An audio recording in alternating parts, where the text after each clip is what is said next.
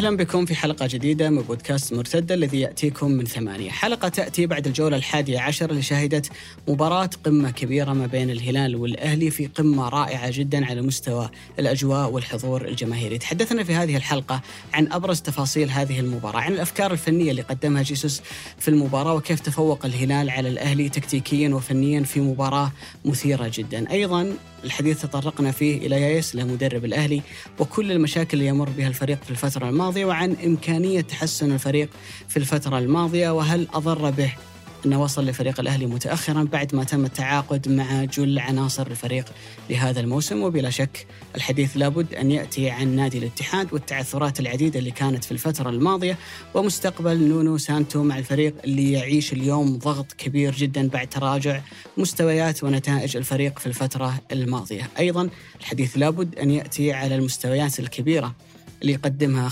النصر تحديدا وخط هجومه. المميز والمرعب الذي يتواجد فيه كريستيانو رونالدو وماني.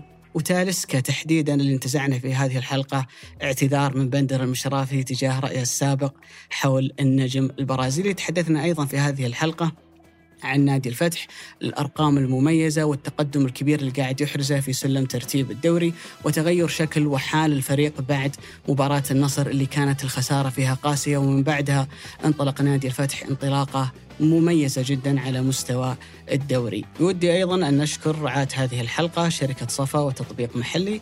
أما الآن استمتعوا بالحلقة. صباحك الله بالخير يا أبو عاليه صباح النور السرور يا أبو علي. كيف كانت نهاية الأسبوع بالنسبة لك؟ هل هي أسعد من نهاية ما بتكون اللي كانت؟ ما بتكون أزين منك أبد. كلاسيكو ودوري وكل شيء كان جميل بالنسبة لك يعني. أنت وين جاي بلينغهام؟ يا أخي.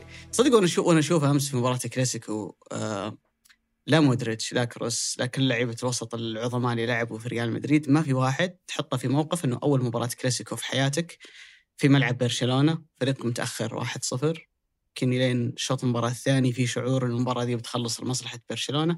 فجأة في آخر المباراة كسر الدنيا جولين كل واحد ممكن أجمل من الثاني. يعني وأنا أشوفه أقول يا أخي اللاعب ذا يعني مودريتش وش يجي في بالك؟ خروج من الضغط، خارج القدم، زيدان، ال control، توني كروس، الباصات الطويلة، الرؤية، تاخذ بلينغهام ما في حاجة تحس إنه مرة wow فيها، بس بالمقابل ما تحس إنه عنده ولا عيب.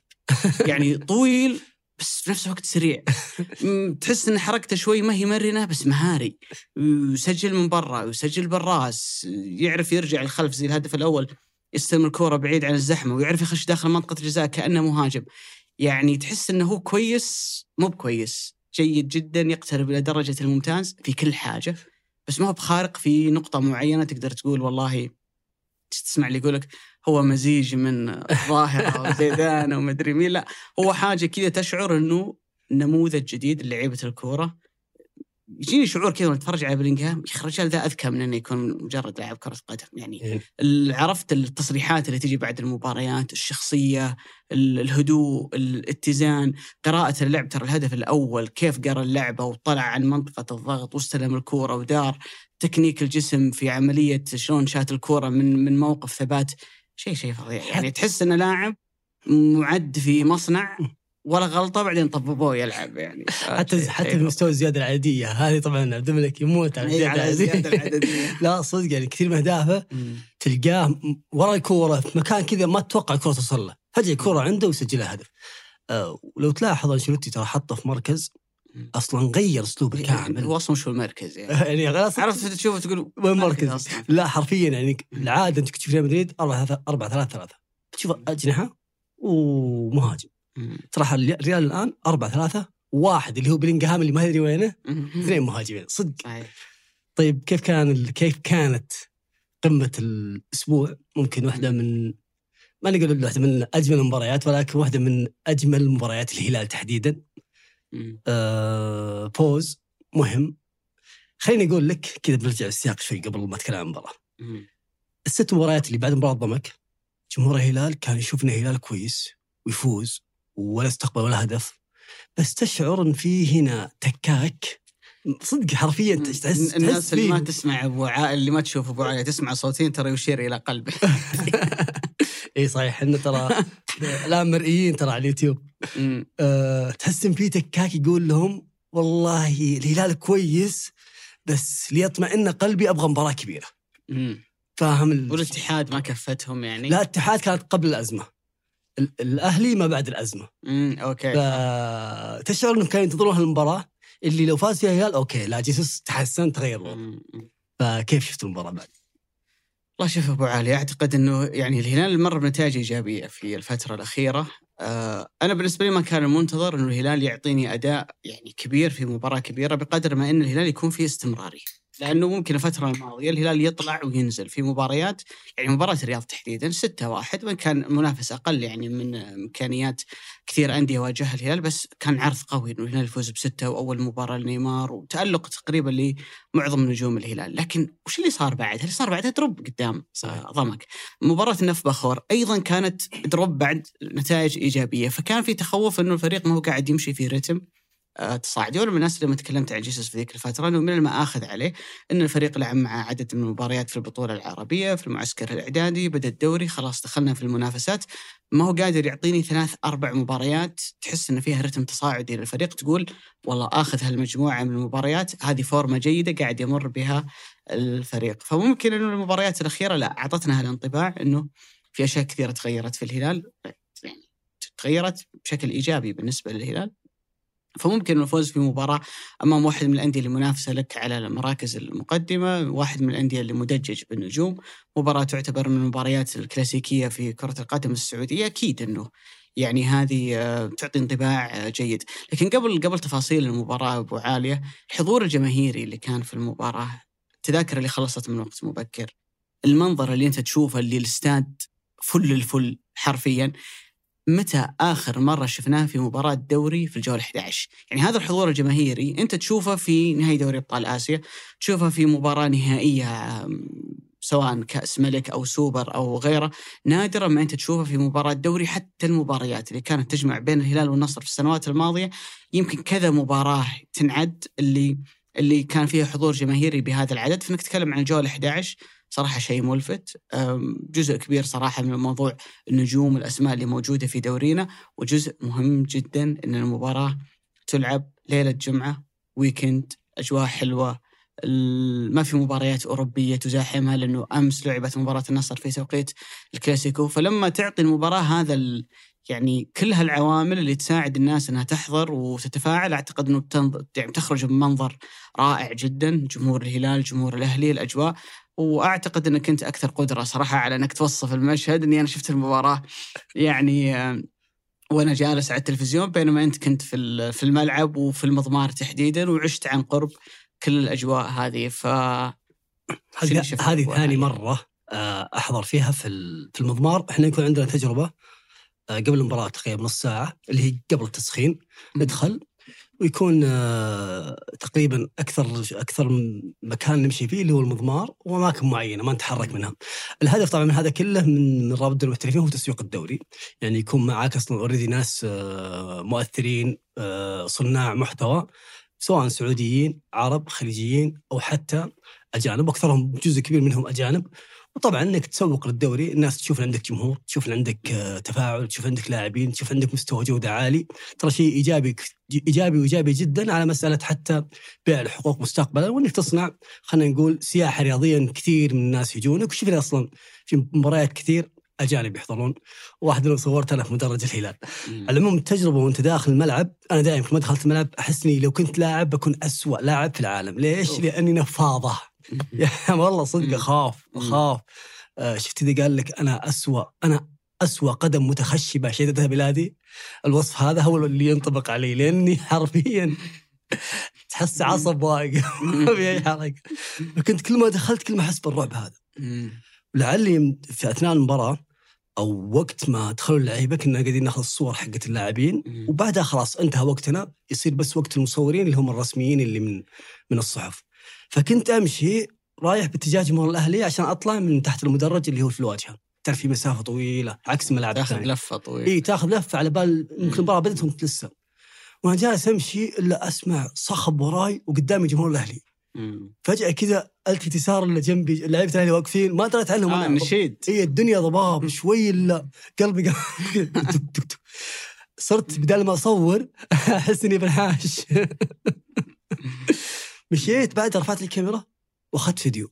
الفيديو ذاك حرفيا أنا شفته قبل يعني قبل أجيب قلب الحلقة واصل فوق 100000 100 وشوي في التيك توك. كمية رعب. ما كنت أشوف أحد. الشماريخ ذي يسمونها شماريخ نازلة عليك ما تشوف. أتوقع المباراة تأخرت يمكن صحيح. على خمس دقائق صحيح. على بال طلوعنا فكان منظر صراحة جميل جدا. أنا إن شاء الله قدرت اوصفه لأنه ما لأنه صعب توصيفه. والغريب أبو علي إنه يعني تحس إنه مساله بيع التذاكر عندنا شوي ما تفهمها. لأنه العدد الرسمي اللي أعلن عن الحضور الجماهيري في المباراة كان تقريبا أقل من 51 ألف. نعرف إنه استاد الملك فهد أتوقع ان ساعتها توصل 60 وفوق ال 60 ألف. آه، فما تدري مسألة بيع التذاكر. إنك كنت تشوف الملعب ما تحس إنه في مدرجات صراحة فاضية كثير في الملعب. وكان مكتمل العدد وأنا أعرف إن استاد الملك فهد لما يمتلي تصير الناس تقعد حتى في الأسياب اللي ما. بين المدرجات. لكن بأمانة لما تكلمت أنت عن جزئية إنه نشيد الأهلي والتفاعل الجماهيري أنا أعتقد إن الفرق اللي بتلعب أوي في استاد الملك فهد تنظلم في هالنقطة لأنه في المضمار تحديدا. أبعد نقطة يكون فيها المدرج عن الملعب هي اللي وراء المرمى. صحيح. فبالتالي اللعيبة لما يوقفون والنشيد والأجواء هذه في مسافة كبيرة بينهم وبين المدرج عكس مثلا لما يلعبون في الجوهرة أنه أنت أصلا واقف قدام المدرج يعني ويكون قريب منك جدا. بس بشكل عام الأجواء صراحة كانت رائعة جدا. قاعدين نشوف بأمانة هذا الموسم شغل مختلف من كل روابط الجماهير اللي عمله جمهور النصر في تيفو بروزوفيتش ورونالدو كان رائع جدا. اللي قاعد يعمل الهلال في موضوع القوة الزرقاء رائع جدا. أنا مرة حاب جو جمهور الأهلي تحديدا في ملعب عبد الله فيصل.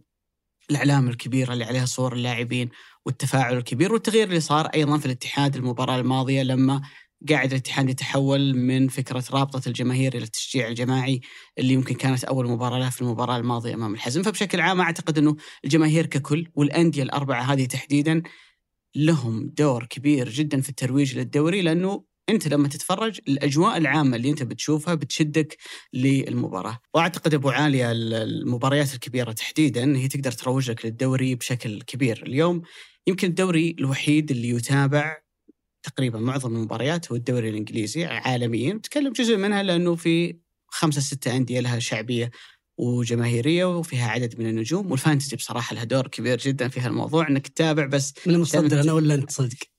لا أنت اعلى مني تصدق لا بس أنا جايب العيد الفترة الأخيرة يعني ولعلي أخذت قرار انتحاري إني مشيت هالاند يعني كنت براهن على بقية اللاعبين. ففعليا اللي قاعد يروج لكثير بطولات هي المباريات الكبيرة يعني بايرن ميونخ دورتموند في ألمانيا الديربي ميلانو في إيطاليا لما يلعب ميلان أو الانتر مع يوفنتوس نفس الكلام الكلاسيكو في ريال مدريد. وبرشلونة أو ريال مدريد مع أتلتيكو كمباراة ديربي. بتلاحظ إنه عندك 10 إلى 20 مباراة تقريبا في الموسم ترى نبالغ بعد إذا قلنا 20 مباراة. هي اللي بتجذب اهتمام العالم حتى لو أنت ما كنت تشجع نادي داخل هذا الدوري إنه هذه مباراة كبيرة أنت ما تبغى تفوتها. بأمانة أحس إنه عندنا فرصة كبيرة جدا الفترة الجاية تحديدا ما بين الأندية الأربعة هذه لما يلعبون ضد بعض. بالحضور الجماهيري بالأجواء بكل الأشياء اللي تصير فيها إنه أنت عندك مباراة تقدر تبيعها وتروجها للعالم وتخلي حتى اللي ما عمره سمع بالدوري السعودي أو شاف مباريات من الدوري السعودي لما يتابع هالمباراة يخرج بانطباع جيد وينتظر المباراة الكبيرة الجاية اللي بتكون آه، بعدها بنخش بعد فترة على كاس السوبر بيصير ممكن في الغالب يجمع أقوى اربعه أندية موجودة عندك ففيها بأمانة يعني عمل كبير جدا من الأندية ومن الجماهير ومن الرابطة ومن الناقل والأجواء بشكل عام. بصراحة تحس إنه شيء مفخره لك ايا كان الفريقين اللي يلعبون ايا كانت النتيجة إنه هذا منتج أنت تبي تقدمه للناس وتقول هذا هو الدوري اللي موجود يعني. الدوري ترى كل المباريات لو تلاحظوا بعلي الكبيرة الهلال والأهلي النصر والأهلي آه، الاتحاد والأهلي كل الأهلي ما شاء الله خلصهم كلهم. وفي مباراة الاتحاد والهلال. أربع مباريات بين أندية الصندوق كلها ترى قيمة يوم الجمعة. وكلها حرفيا ترى كانت ممتعة باستثناء ديربي جدة، بقية المباراة صراحة كانت ممتعة وكانت فعلا وأنت تتابعها. تشعر في تاج لاين كذا وفي شيء مانشيت تحطه في الصحيفة تقول في مباراة لعبت في الدوري السعودي وكانت هذه نتيجتها. وشنو تصريح أصلا جيسوس بعد مباراة الهلال الاتحاد والهلال لما قال إنه فعلا على السعوديين يفخرون عندهم هذا الدوري وقدموا مباراة ممتعة.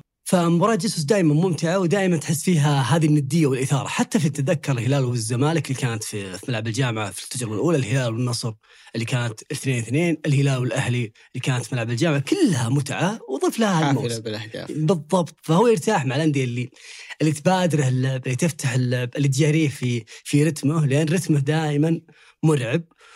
وتقريبا ممكن آه، ممكن قبل شوي كان نتكلم إنه الجمهور كان قلق جدا. على على هذه المباراة تحديدا من ناحية إنه هذه المباراة اللي بتخليني أرتاح واشوف الهلال فعلا نجح أو لا. وشفنا كيف جيسوس تقريبا كل الأفكار اللي كان نتكلم عنها في بدايه أو مرحله جيسوس كنا نقول إنه إنه يحب الفريق اللي بادره يحب يلعب المان تو مان في عملية الضغط يحب برضه يكون أقرب لمنطقة خصمه يحب يخنق الخصم في منطقته. ولعل في المباراة أو من اللحظة الأولى اللي بدأت فيها المباراة كسب الميزة الإضافية اللي دائما الأهلي يخسرها واللي هي دقيقه الاولى الأهلي حرفيا بدا مباراة النصر 1-0 وخارج ملعبه. بدا مباراة الهلال بنفس الطريقة 1-0 وخارج ملعبه. وشفنا كيف جيسوس خليني أقول لك لعب على أكبر نقطة ضعف في الأهلي لو تأخذها على على ثلاث اهداف اللي شفتها بتشوف نمط ثابت. النمط اللي ثابت كرة من اليمين تلعب على اليسار أو خليني أقول لك سواء بين ايبانيز ومجرشي أو أو خليني أقول لك على مستوى تنظيم اللاعبين ذولي في مسألة الرقابة وأي لاعب يقدر يعطيك الزيادة وقتها وتسجل الهدف الأول لما أعطى سافيتش الزيادة في المساحة اللي كانت بين علي مجرشي وبين ايبانيز الهدف الثاني برضو دخل فيها متروفيتش تعدى علي مجرشي وضربها بالراس. الهدف الثالث برضو اللعبة الطولية وعدم تفاهم بين أفضل لاعبين في الأهلي في المباراة تحديدا. فعلا ميندي وإيبانيز ما كانوا صراحة يستحقون أنهم يظهرون بهذا الهدف في في وبرضو شفنا عملية الضغط اللي كان اللي كان نجمها الأول سافيتش. يعني ناس كثير كانت تتكلم أنه سافيتش ما لقى نفسه في الهلال بعد البطولة العربية. لاعب مو جالس يعطي بشكل عالي. أنا كنت أقول وقلتها مباراة اتحاد إن اللاعب في تعالي شوي في مسألة إنه تحس إنه ما هو ما هو ما هو aggressive إيش يسمونها؟ إيش aggressive كيف تجي؟ آه شرس مو شرس في اللعب. تحس إنه كذا خايف. أمس شفناه مع المجحد تقريبا هو ال man to man مع المجحد حرفيا وقف في مسألة الباصات اللي اللي كان المجحد يتألق فيها وكان نجم الكلاسيكو في ظني. شوف أعتقد إنه بالنسبة للهلال في المباراة نقدر نقسم المباراة إلى إلى شوطين، شوط كان مثالي من الهلال الشوط الأول تقدم فيه ب 2-0 كان في فاول من مالكم في آخر دقائق في العارضة كان ممكن الشوط الأول يروح باتجاه 3-0 وبعدين اللي صار في شوط المباراة الثاني. لو أنت مكان جيسوس تحضر المباراة. جزء كبير جدا من تحضيرك بيعتمد على طبيعة ووضعية الفريق المنافس. إنك تكون قوي بدنيا في مباراة من هالنوع هو مطلب بالنسبة لأي مدرب. لكن أعتقد أن الأهلي عنده عامل يخليك تطمع زيادة أنك تودي المباراة باتجاه بدني لأنك أنت في هذا الجانب تحديدا تقدر تتفوق على الأهلي. في مباراة الوحدة اللي كانت الأسبوع الماضي كيسي ماكسيمان.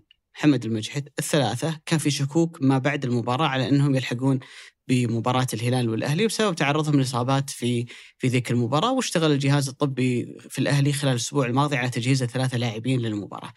بدأت المباراة والثلاثة موجودين في التشكيلة الأساسية كما كان متوقع لكن وجودهم في التشكيلة الأساسية لا يعني أنهم جاهزين بدنيا 100% وأعتقد أنه كيسي تحديدا. الأداء البدني اللي شفناه منه في المباراة يختلف عن اللي شفناه منه في مباراة النصر واللي شفناه في مباراة الاتحاد. فأنت تنطلق من هذه النقطة تحديدا في تحضيرك للمباراة أنك تحاول أنك تجعل المباراة فيها صراعات بدنية تطلب من لاعبيك إنهم يعطون 120 150 قد يصل إلى 200% من الأداء البدني المعتاد منهم في كل مباراة. ولذلك شفنا إنه كان في أداء بدني ملفت للهلال من سافيتش من نيفيز حتى من لاعبي الأطراف تحديدا مالكم وسالم لأنه ميشيل تعودنا عليه إنه من نوعية لاعبين اللي وافرين الجهد لكن مالكم وسالم قدموا شيء إضافي في في هالمباراة. فإنك تودي المباراة باتجاه أنها تكون بدنية تتوصف أنها مباراة بدنية وفيها صراعات كثيرة على الأرض وفي الهواء هذه كانت نقطة لمصلحة الهلال. أعتقد أنه من خلال الإعداد من خلال الشغل اللي يسويه جيسوس واللي معتاد منه في الفترة الأولى مع الهلال واللي معتاد منه تقريبا في كل الأندية اللي دربها هو من نوعية المدربين اللي يعني يعتني كثيرا بالجانب البدني وبالتالي طبيعي بعد مرور 11 جولة في الدوري وكذا جولة في دوري أبطال آسيا والبطولة العربية أنك توصل إلى ليفل ينقال عنك اليوم أنه أنت في جاهزية مثالية على الجانب البدني في مباراة من هالنوع فهذه كانت نقطة ارتكز عليها الهلال بشكل كبير جدا في المباراة. في الأفكار الهجومية الهلال من المباريات الماضية كان واضح أنه الأهلي عنده مشكلة على الأطراف. مشكلة الأهلي على الأطراف لأنه محرز وماكسيمان ما عندهم التزام دفاعي كبير. ولما نقول أبو عاليه ما عندهم التزام دفاعي كبير أنت تقدر تاخذ لقطات في المباراة تجيب لي لقطة محرز وماكسيمان في الثلث الدفاعي الأخير تقول والله شوفهم. ملتزمين عكس الكلام اللي أنت قاعد تقوله. التراجع والوقوف في مكان سليم هو جزء من الالتزام. الشراسة في الضغط هو جزء من الالتزام. لما الفريق المنافس يبدأ يباصي الكورة يمين يسار يحاول أن يخلخلك قدرتك على أنك تتابع الكورة وتحتفظ بمركزك وتكون دائما قريب من لاعب الظهير هذه أيضا آه، نقطة مهمة. مجرد وقوفك في مكان مع الظهير لا يعني أنه أنت ملتزم دفاعيا بشكل كامل لكن نشوفها من لعيبته لكن لما كان الهلال يحاول يحاول إنه يباصي الكوره يحاول إنه يلعب كوره مثلا مثلا في ظهر ماكسيمان هل كانت عودته مثلا دائم سريعة؟ هل محرز من نوعية الأجنحة اللي لو أنت سحبت ظهير الأهلي إلى داخل المنطقة بيرجع يغطي كلاعب ظهير؟ في نهاية الأمر هذه ما هي بخصائص محرز ولا ماكسيمان. فبالتالي الأهلي عنده نقطة ضعف واضحة على مستوى إنك إذا وضعت أظهرته في موقف لاعب ضد لاعب أو اثنين ضد لاعب تقدر تخلق تفوق آه واضح عليهم، اللي سواه جيسوس في المباراة إنه خلق تفوق على الأطراف دون أن يحتاج للظهيرين، بمعنى أيه. على الجانب الأيمن كان دائما مالكم وميشائيل على لاعب ظهير الأهلي الأيسر، على الجانب اليسار كان دائما سالم وسافيتش على لاعب ظهير الأهلي اليمين اللي هو علي مجرشي بالإضافة إلى الزيادة اللي يعملونها الأظهرة فانت تروح باثنين أو بثلاثة على اثنين على لاعب واحد اللي هو ظهير المنافس أو حتى لو رجع معه بعد ذلك آه، لاعب الجناح. فكان في تفوق واضح للهلال على جانب الأطراف. أيضا في الجانب الدفاعي أعتقد أنه على جانب الالتزام كانت مباراة عظيمة جدا لسالم الدوسري. مالكم ميشائيل أيضا كان في منهم التزام بس تحديدا سالم لأنه الفكرة هي أنه رياض محرز لو أنت حطيته في موقف لاعب ضد لاعب مع ياسر الشهراني أنت ستعاني في المباراة. مفتاح أهداف الأهلي وهجمات الأهلي الخطرة في مباراة النصر كانت مواقف واحد ضد واحد اللي تخلق الرياض محرز ضد الظهير الأيسر لنادي النصر في المباراة، وانت يا الهلال لو بقول لك من ال 11 لاعب مين أضعف لاعب عندك اليوم؟ مين أكثر لاعب يمر بحالة شك؟ أقل لاعب مستوى من بقية العناصر بتقول ياسر الشهراني، ولسوء حظك إنه يواجه أخطر لاعب في تشكيلة الأهلي. لو بتحاول أبو عالية تتخيل نمط خطورة رياض محرز من لما شفناه مع السيتي وفي المباريات الماضية ضد الأهلي.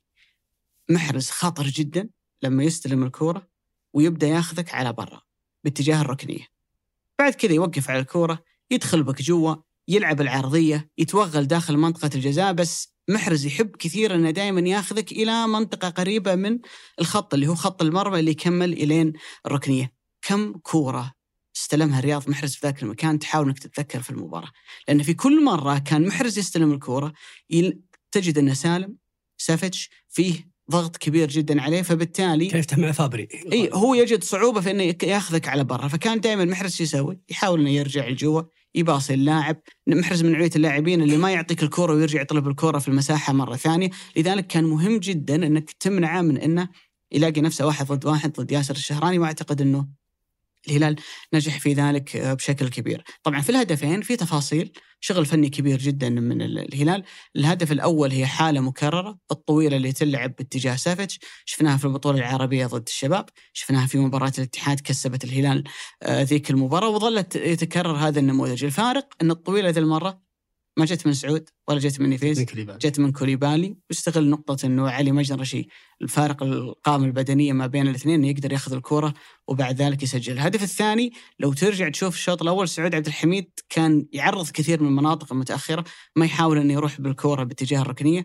من أول ما يلاقي فرصة إنه يعرض يعرض ووجدت واحدة كانت مذهلة جدا صراحة يعني.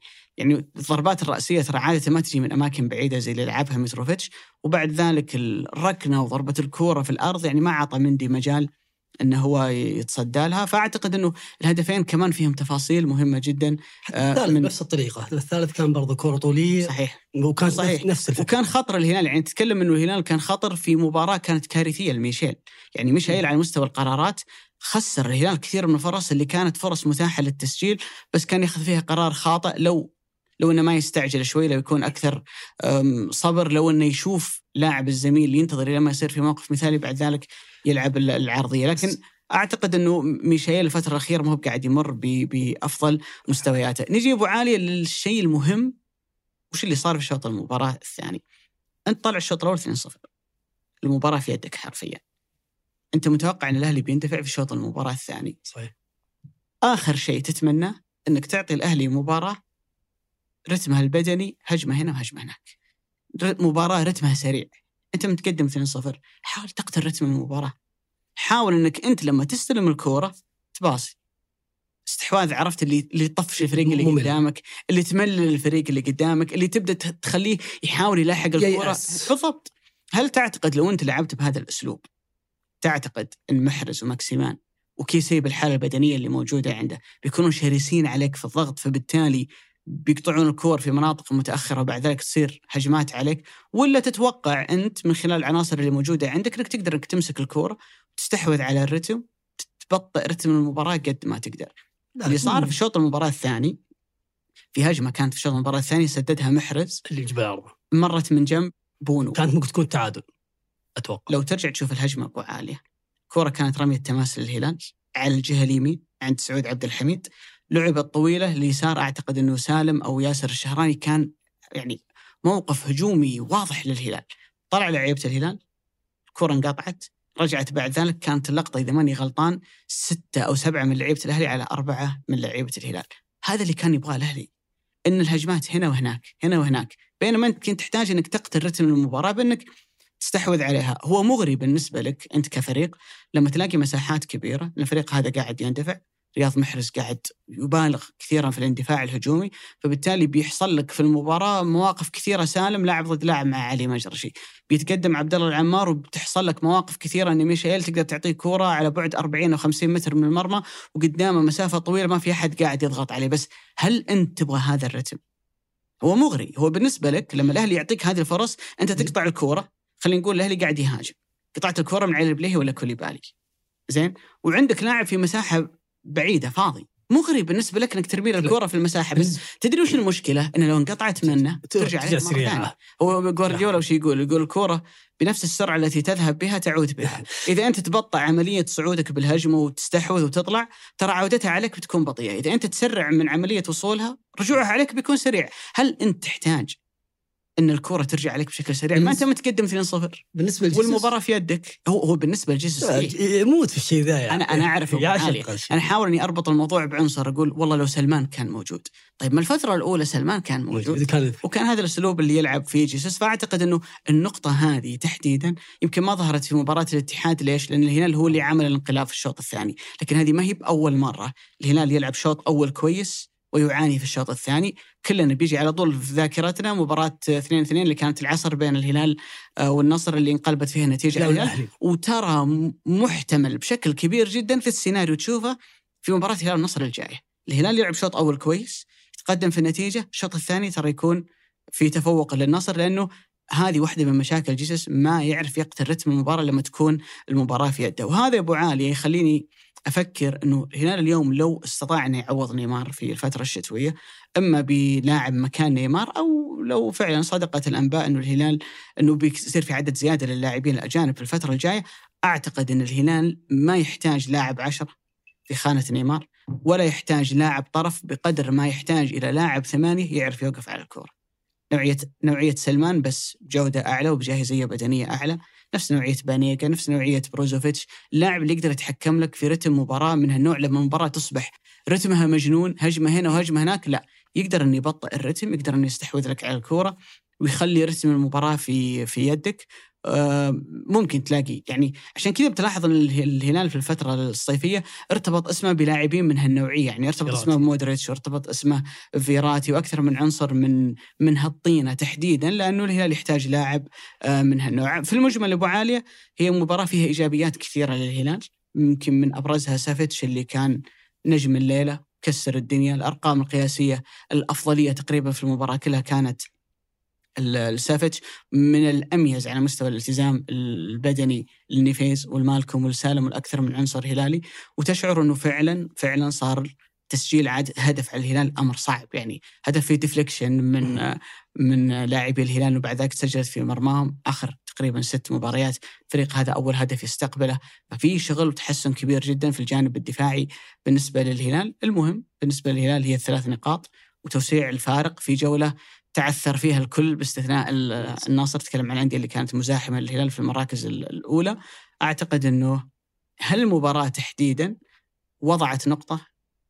نقطة في نهاية السطر الانتقادات الكبيرة اللي كانت للجيسوس في الفترة الماضية. ما يعني أنه هذا أفضل أداء؟ مثل ما ذكرنا موضوع التحكم بالرتم في بعض التفاصيل الثانية اللي ممكن تتحسن في الفريق في الفترة القادمة لكن بعد مرور 11 جولة تسع انتصارات وتعادلين إنك فرطت في أربع نقاط بس من أصل 33 هذا رقم جدا ممتاز بالنسبة لجيسوس. بداية رائعة تذكرنا بالبداية اللي كانت في موسم 18 19 وأعتقد إنه المكسب الكبير في الهلال إنه تشعر إنه اليوم الفريق هو عائلة واحدة روح واحدة فريق عنده رغبة كبيرة جدا. آه، ملفت جدا بالنسبة في الهلال إنه فيه كم من اللاعبين اللي ما عمرهم فازوا بدوري.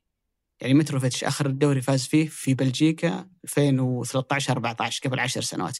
نيفيز ما عمره فاز بدوري سافتش ما عمره فاز بدوري. التعطش الكبير هذا اللي عندهم بيفيدك للمستقبل بيخليك تطلع أفضل أداء منهم بيخليهم دائما عندهم رغبة وقتالية في كل المباريات. وهذه سمات الفرق عادة اللي يدربها جيسوس إنه مدرب متطلب بدنيا. لكن زي ما قلت أبو عالية يحب المباريات اللي اللي مفتوحة يعني بضيف لهم كليبالي وبونو برضو ما عندهم نتائج إيجابية أو ما عندهم بطولات دورية. أعتقد ما ما أعرف صراحة بونو إيه آخر مرة. صحيح اي آه وكليبالي فعلا ما ما ما لحق على نابولي يعني ممكن في تجربته في بلجيكا لما كان في بلجيكا غير ما, ما يعني ممكن يمكن حتى ميشائيل يعني يمكن مالكم بس ترى هو اللي هو الوحيد اللي هو اللي عنده نجاحات كبيرة على مستوى الدوري إنه مع زين فاز بأكثر من بطولة دوري المهم انت قلت إن جيسوس يحب إنه آه، خلينا نقول بالغ في مسألة إنه إنه يفتح اللعبة ويلعب مباراة مفتوحة من الجانبين وهذا شيء سلوك عادة انتهى جيسوس في الفترة الأولى حتى في مباراة الأهلي والهلال أربعة ثلاثة الأربعة اللي سجل فيها أعتقد عمر السومة هاتريك. كانت بنفس الطريقة. سواء جبت لاعب يبطل رتم ولا ما يبطل جيسوس يحب هالنوع من المباريات. ولكن في عدة عدة أنماط استخدمها جيسوس في المباراة ولعل كثير من الأهداف الأهداف اللي استقبلها الأهلي تشبه هالنمط يعني هدف تلسكا اللي على الأهلي الهدف الثالث اللي الكرة الطوليه اللي لعبت من طرف إلى طرف ورجعها اللاعب بالغلط الخلف وخذ تلسكا وسجل فيها هدف هاي تقريبا شفناها حالة تكرر كثير في المباراة اللي هي يلعب من الطرف اليمين سواء سعود سواء آه، ايا يكن اللاعب اللي على اليمين يلعب لك الكرة الطولية اللي للجانب الثاني ودائما ما يجي فيها المساحه أو دائما ما يلقى المساحة اللي تسجل فيها سواء أو خطأ فردي. تيجي تشوف الأهداف تلاحظ إن إن الأهلي أوكي ما يمكن ما عنده ذيك المشاكل الكبيرة على مستوى التنظيم الدفاعي. بقد ما عنده مشكلتين أساسية الأخطاء الفردية اللي اللي حرفيا أقول غبية. غبية غبية. وتلقى في نفس الوقت عملية ال الزيادة أو أو الأطراف أو الأظهرة كيف الأجنحة عفوا كيف يساعدونك في عملية انه يكونون مساعدين لك في الحالة الدفاعية. الأهداف ابو علي اللي تلاحظها في الأهلي أو تأخذها كذا وتحللها وأنا أعرف يسلا زين، يسلا ترى الساعة 9 الصباح. هذه طبعا معلومة كذا خاصة لك. 9 الصباح في النادي أول واحد يجي. مع جهازه الإداري كامل تفاصيله يحللون يشوفون أفكار يرمونها لين يجي اللعيبة الساعة 4 4 ونص بدأوا يجون اللعيبه يطلعون اللعيبة تقريبا الساعة 7 7 8 وهو طالع. يعني تقريبا يقضي في النادي 11 12 ساعة يوميا. فهو يحلل ويحلل كل سواء لعيبته أو حتى لعيبة الخصم. بس لاحظوا إن الأهداف اللي تجي على الأهلي يعني ما هي فكرة فنية والله اللاعب ترك خانته؟ ممكن ما جلس في الهدف الأول تحس انها بعد شوي يعني ايبانيز فتح مساحة اللي يتحرك فيها سافيتش بس تشعر في أخطاء فردية اللاعب المدرب ما يتحملها بقد ما يتحملها اللاعبين في مسألة الأهداف اللي تسجل الأهلي. برضو في ال... وترجع في وتراقب مثلا عملية آه، ذكاء يايسله حتى في مسألة تعامله مع ميندي وتحفيزه. وبلنتي اللي صدى له مترو. ترى البلنتي اللي تصدى له. ميندي هي الحالة هو البلنتي الثالث لمتروفيتش في الهلال هالموسم. كل البلنتيين الثانية لعبت في نفس المكان يمين الحارس أرضي اللي على الاتحاد واللي على على الشام أعتقد. فهذا هو البلنتي الثالث. فتشعر ان ميندي كان عنده أو كان عارف أو فريق الإحصاء عند الأهلي قال له ترى لو جاب بلنتي وشاته متروفيتش ترى بيشوتها في الزاوية ذي وبتصدها فعلا الحالة هذه الحالة الثالثة اللي تتكرر. فأحس إن شوي نكون قاسيين لو لو تكلمنا على ياسلي من ناحية الأفكار الفنية اللي جالس ينتهجها قياسا بالأسماء الموجودة. ولكن لعل لعلها شفناه في أكثر من حالة. ان فيرمينو اللي ما سجل 11 مباراة. صحيح. يرجع وماكسيمان يلعب دور راس الحربه أو دور المهاجم السريع اللي اللي يلقى المساحة اللي يتركها الهلال 20 30 40 متر. تقريبا في حالتين. أشهر الحال اللي اللي زلق عليه فيها نفز أو وقفها نفز. أشعر أن الفكرة الفنية في الأهلي ما هي سيئة. ولكن الفريق مو جالس يخدمها، الأسماء الموجودة ما هي جالسة تستخدمها مسألة الأفكار ولعل السبب الرئيسي إنه هذا الفريق جاء وبعده جاء المدرب وليس العكس المفروض يجي الفريق يجي المدرب بعدين يجي بعده الفريق. أه وين تبغى نروح في المباراة يا أبو علي؟ هو السؤال السؤال أبو عالية إنه هل يا يسله في مدربين ثانيين لو انحطوا في نفس مكانه مع نفس العناصر بنفس الظروف اللي هو موجود فيها يقدرون يطلعون منهم أداء أفضل من اللي شفناه في الجولات الماضية؟ أنا بصراحة أعتقد إنه لا. صعب ما أعتقد إنه في بالأسماء اللي موجودة وبالظروف اللي مر فيها الأهلي. ظروف إنه فريق الموسم الماضي ما كان موجود في الدوري. آه زي ما قلت إنه هو وصل متاخرا. الفريق بالكامل غير جلده في في صيفية واحدة. بالتالي تحتاج وقت على إنك تطلع أفضل نتائج. الملفت في الأهلي إنك ولا مباراة من مبارياته أمام بما أنه لعب أمام الثلاثة كلهم، ولا مباراة شعرت شعرت إنه خصم سهل. ولا مباراة شعرت إنه هذا الفريق أنت تقدر تتسيد عليه المباراة من أولها إلى آخرها، حتى في المرتين اللي تعثر أمام الهلال وأمام النصر في فترات من المباراة هو قادر إنه يخنقك. قادر على إنه يكون قريب جدا من إنه يرجع للمباراة مرة ثانية، ممكن السيناريو نستقبل هدف في بداية المباراة هذا في جانب ذهني ان تركيز اللعيبة في بداية المباراة خط الدفاع الأربعة بصراحة فيهم لاعب محترف اللي هو ايبانيز وثلاثه سعوديين والثلاثة كلهم مع فائق الاحترام والتقدير ليسوا من الأفضل على مستوى المحليين ولا ولا يلعبون على مستوى المنتخب الوطني. إمكانياتهم يعني في حدود المتوسطة. فصعب إنك تقدر تخلق منهم خط دفاع قوي زي أندية أخرى اللي ممكن عندها لاعبين أعلى جودة. ممكن الهلال أبرزها للاعبين المحليين عنده في خط الدفاع أعلى جودة من من غيرهم، فأعتقد إنه هو قاعد يسوي شغل بالأسماء اللي موجودة عنده بالظروف اللي متاحة بالنسبة له. تدريب علي إنه خلص الحين مباريات الكبيرة الثلاثة وكلها لعبها برا ملعبه. ولعب ولعب مع التعاون ولعب مع الفتح. ولعب مع الاتفاق.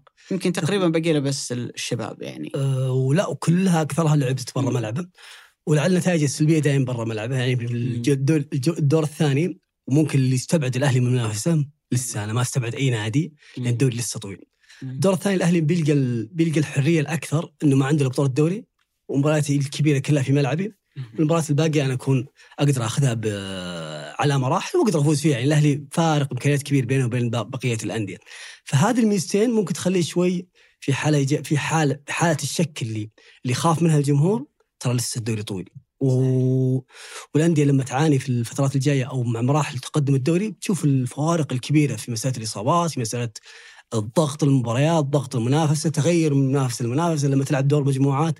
آسيا مو نفس لما تلعب الأدوار الإقصائية. ولكن خلينا نرجع للهلال أبو علي. وفي أرقام كذا تشوفها قدامك. وكنت أو تقدر تقول الحلقة اللي راحت بس تخاف تقول الحلقة اللي راحت. لأن صدق صدق تخاف تقولها لأن الناس مو مو مطمنين. وانت برضه يدخلك الشك هذا من من الناس. ولكن الفريق الأكثر نقاط. أكيد إنه الأكثر نقاط لأنه متصدر. فريق ثاني أكثر فريق تسجيل. أقل فريق استقبال الأهداف. أكثر فريق استحواذ. أكثر فريق خلق فرص محققة. من لعب مفتوح. أكثر فريق خلق فرص محققة من من كرة ثابتة. أكثر أقل فريق يتم أو يستقبل أهداف محققة، أقل فريق يستهدف أهداف محققة من كرة ثابتة. يعني أكثر فريق استحواذ، أكثر فريق تمريرات، أكثر فريق تمريرات تنتهي بتسديده، وتأخذها كذا كثير من الأشياء الإيجابية. ولكن ما تنظر لها الناس أو أو ما يمكن تقول هالأرقام هذه لو كانت أو كانت المرحلة في مرحلة شك. وكنت والله مجهزها حلقة راحت بعدين قلت استهدى بالله خلينا نشوف مباراة الأهلي إيش يصير فيها. طلع جيسوس وقالها ترى بعد مباراة الخليج في المؤتمر يعني حاول يذكر بعض الأرقام يستشهد فيها يعني على تميز الهلال في الفترة الأخيرة. هل الفريق الهلال حاليا هو مثالي؟ أنا في ظني لا. فريق يفوز فريق قوي فريق يقدر يكسبك نقاط يقدر يكسب مباريات لكن في هناك اعتقاد إنه الهلال عنده شيء أحسن من كذا. لأن المشكلة اللي صايرة في الهلال إن الفريق عودنا طيلة السنوات الماضية إن فريق طابعه يستحوذ يتحكم برتم المباريات في جانب متعة كبير جدا في في لعب الفريق، الفريق هذا تشعر إنه شرس أكثر بدنيا أقوى من اللي اعتدنا عليه السنوات الماضية، لكن في المرحلة هذه تحديدا أنا أعتقد إن المهم هو النتائج، لأنه أنت جاي من صيفية مختلفة تماما عن اللي أنت عاهدته طوال تاريخك في النادي، واللي قاعد يصير في الدوري بشكل عام، متى عمرنا مر علينا صيفية زي اللي راحت اللي فيها تغييرات كبيرة جدا، فبالتالي لما نقول إنه كان في فوارق أنت هنا والمنافسين هنا، واحد هنا وواحد هنا أنت خلال الصيف الماضي ترى الفجوات هذه قلصت. فبالتالي أنتم كمان لو أنكم في سباق وبتنطلقون من نفس النقطة وأنت كنت سابق أو فارق عنهم بأن عندك استقرار وعندك بعض الأمور اللي أنت متميز فيها. فبالتالي لما اختلف طبيعة السباق مهم جدا انه انت تسبق. بأي طريقة أنت تسبق ما يهم. المهم في المرحلة الحالية إنك أنت تسبق إنك تصير الأول. إنك تخلق هذا الفارق بينك وبين منافسيك على مستوى النقاط وتكون أقرب للفوز بالدوري والبقية الأهداف الثانية. وبعد كذا ممكن تفكر في مسألة إنه أنت تلعب كورة ممتعة ولا فيها الطابع اللي أنت تعودت عليه. وممكن هذا ترى يفسر ليش عقد جيسوس كان سنة واحدة إنه خلينا نشوف إيش بيصير ذا الموسم متى ستنتهي عليه الأمور هذا الموسم. بعد كذا ممكن تتقيم الوضع بطريقة مختلفة. لكن مرحلة 19 أبو علي. 2019 كانت تشبه نفس المرحلة الجميع انطلق من نفس النقطة سدد ديون الأندية آه، جلب لاعبين لكل الانديه صحيح. آه، تجديد عقود اللاعبين المحليين كلهم في ذيك الفترة وانطلقوا من نفس النقطة وشهدت الهلال كان برضو بدأ البداية القوية وقيل جيسوس وبعدها حدث الانقلاب في الدوري لما لما فاز النصر ببطولة الدوري. صحيح أنت تبحث عن فريق يكسب في نهاية الأمر في المرحلة هذه تحديدا وأعتقد أنه يعني إلى حد الآن جيسوس قاعد يخدمك في هذا الهدف. على سيرة الفرق أبو عالية اللي تكسب. في آخر ثمان جولات لو قصينا الثمان جولات هذه شلنا الثلاث جولات الأولى ورميناها. سوينا جدول آخر ثمان جولات بيكون الأول هو الهلال 22 نقطة. من أصل 24 من أصل 24 الثاني هو النصر ب 22 نقطة. الثالث خمن. الثالث أخمن أخا فتح؟ لا أهلي ولا اتحاد ولا تعاون ولا فتح. اتفاق. الثالث هو الفتح جاب 19 نقطة من 24 فاز في ست مباريات وتعادل في واحدة والمباراة اللي خسرها كانت ضد الاتحاد في جدة. ليش أنا قصيت الثمان جولات ورميت الثلاث الأولى؟ لأن هذه الثمان جولات اللي جت بعد المباراة الكارثية اللي خسر فيها الفتح بخمسة من النصر واللي أثارت شكوك كبيرة وأنه لا بيليتش هو ما هو المدرب المناسب للمرحلة وهو يعني عرفت اللي الفتح طيلة السنوات الماضية. ترى ممكن يخسر من الأندية الكبيرة يعني فارق إمكانيات طبيعي إنه أنت تخسر في بعض المباريات. بس ما عمره كان صيد سهل. صح. ما عمره كان فريق تكسبه بالأربعة وبالخمسة ودائما ما كان حرفيا ينشب حلوق الأندية الكبيرة. فمن بعد ذيك المباراة تغير وضع الفريق بشكل كبير جدا. آه اليوم هو في الدوري ككل. ثالث أقوى خط هجوم في الدوري. بعد الهلال والنصر. قبل الاتحاد قبل الأهلي على الرغم من الأسماء المرعبة اللي موجودة عندهم بس الفتح عنده عذروب ورقم ملفت صراحة. هو الفريق الوحيد في الدوري اللي ما خرج بكلين شيت في 11 جولة. يعني تخيل إن الحزم والخدود والرياض على مشاكلهم إلا ما طلعوا لهم ولو مباراة واحدة كذا طلعوا فيها بشباك نظيفة. الفتح مسألة الشباك نظيفة هذه ما يعرفها لكن قوة الفريق دائما أنه مهما يستقبل يقدر يسجل. وهذا صراحة أعتقد أنه نقطة مسيري الفتح بشكل عام. أنا ما أدري إذا كانت مقصودة ولا مصادفة لكن أتوقع أنها مقصودة أنهم خلقوا للفريق هوية. أنه دائما هو فريق هجومي. هو ما هو من نوعية الأندية اللي okay أنا أقل منك إمكانيات معناته بلعب مباراة دفاعية وبقفل و... أفتح المباراة معك. ولأنك تفتح المباراة تاكلها أنك أنت تقريبا في كل مباراة تستقبل لكن بالمقابل أنت كم؟ كم بتسجل؟ وأعتقد أنه محظوظ الفتح أنه عنده آه، أسماء فتاكة في الجانب الهجومي. نتكلم عن تيو سجل هدف رائع في الجولة الماضية سيلاريان وعلى رأسهم بلا شك مراد باتنا نتكلم عن رابع الهدافين بسبع أهداف من 11 جولة ومتساوي مع كريستيانو محرز كأعلى أسيست بستة أهداف. المباراة الماضية اللي كسبها الفتح أمام الرائد ترى قبلها بدقائق أنا ما أدري إذا عندهم علم مسبق ولا لا بس قبل المباراة بدقائق أعلنوا عن إصابة جانيني وقالوا بيغيب من أربع إلى ستة أسابيع إصابة عضلية. وفي الإحماء اللي قبل المباراة أصيب سفيان بن دبكة وأستبعد من تشكيلة المباراة. فمرت عليهم ظروف يمكن صعبة الفترة الماضية لكن بأمانة بأمانة يعني الفريق نتائج الفترة الأخيرة والتقدم اللي قاعد يسويه آه، ملفت جدا. لكن أبو عالية هذه خليني أسألك عن نقطة مهمة. في المباراة هذه تحديدا اللي كانت ما بين الفتح والرائد رائد طبعا متذيل الترتيب ومشاكل لا حصر لها. ما لها أول من تالي. اللي قاعد يدربهم حاليا ايجور اللي هو المدرب الكرواتي الموسم الماضي كان بطل الدوري الأوكراني أعتقد مع شختار وحاليا يدرب الرائد اللي موجود في أسفل جدول الترتيب. بالمقابل بيلتش عنده تجربة الكل يتذكرها مع وستهام كانت تجربة رائعة. الفريق خلف ال top four أو ال top 6 يحاول انه يشيل واحد منهم ويرقى يعني يصير يصير مكانه على مستوى ال top four أو في المراكز ال- المتقدمة. فتحس إنك بيلتش مر بهالتجربة مر إني أنا عندي فريق في وسط يعني فريق متوسط ما هو من الأندية اللي تنافس على البقاء ولا هو من الأندية اللي تنافس على الدوري كيف أقدر أصعد به إلى مراكز أعلى من اللي ممكن في الظروف الطبيعية هو يحصل عليها. فهنا نموذج وهنا نموذج. من خلال متابعتك الدوري الإيطالي الإنجليزي الكرة الأوروبية بشكل عام. الموضوع الموضوع ذا يفرق كثير جالس ولا؟ احاول أربطها ما عجزت ما لقيت لها ربط يعني تشوف. كونتي مثلا نجاح مطلق في بطولة الدوري. جاء سيميوني في الانتر والله جالس يحقق نجاحات. كويسة أه تحاول تربطها حتى في المدرب الأسترالي الآن اللي يدر- اللي يدرب آه، توتنهام متصدر الدوري. تحاول تروح يسار تلقى شاموسكا في الهلال مثلا أخذ له تجربة كذا قصيرة بس ما نجح مم. ترجع تشوف آه، اللي الضيف الجديد في دورينا اللي هو مدرب. كريني اللي كان بطل صح في مع النصر والله ماخذ فريق أقل وجالس يحاول. ويحقق نتائج جدا مميزة فيه فعملية الربط بينها وبين بعض مم. أوكي أشوفها صعبة ولكن طيب كذا خيالا. بعطيك بعطيك مثال واضح. دي سيربي. مع ساسولو أنت ما أنت ميلان ولا إنتر ولا شلون تحاول إنك ترقى بالفريق هذا لدرجة إنك تقدر تزاحمهم. لما خذاه برايتون نفس نفس النموذج حقق له نفس الهدف لأنه هو متعود على إنك تشتغل مع نوعية متوسطة من اللاعبين. وكيف إني أروح فيهم الاهداف أعلى من اللي النادي ممكن إنه يحصل عليها. متعود نفسه على على برضه على نفس صح على نفس الهدف وعلى نفس على فوارق. الأسماء اللي بين. okay نتفق هنا بس مو شرط إنه لو راح الفريق كبير إنه ممكن يجيب العيد. ما أعرف. بس لا لا ما تكلم اسمه- عن فريق كبير جيب لي تكلم إنك إن هنا نافس على نفس الشيء فأنت اخترت مدرب عنده تجربة من هذا النوع. يعني ما أجيب مدرب خلينا نقول زي مثلا ماركو سيلفا. كل صيف تسمع إن ماركو سيلفا بيجي يد- يدرب في الدوري السعودي. طيب ماركو سيلفا تقريبا طوال مسيرته قاعد يدرب فولهام وأندية من مستوى فولهام. هدفها إنه تنهي المركز خلينا نقول في النصف الأعلى من جدول الترتيب. يجي يدرب فريق مطلوب منك تفوز كل أسبوع. بالمستوى بدون مستوى. لابد إنك كل أسبوع تفوز. فالفارق في, في الأهداف يختلف.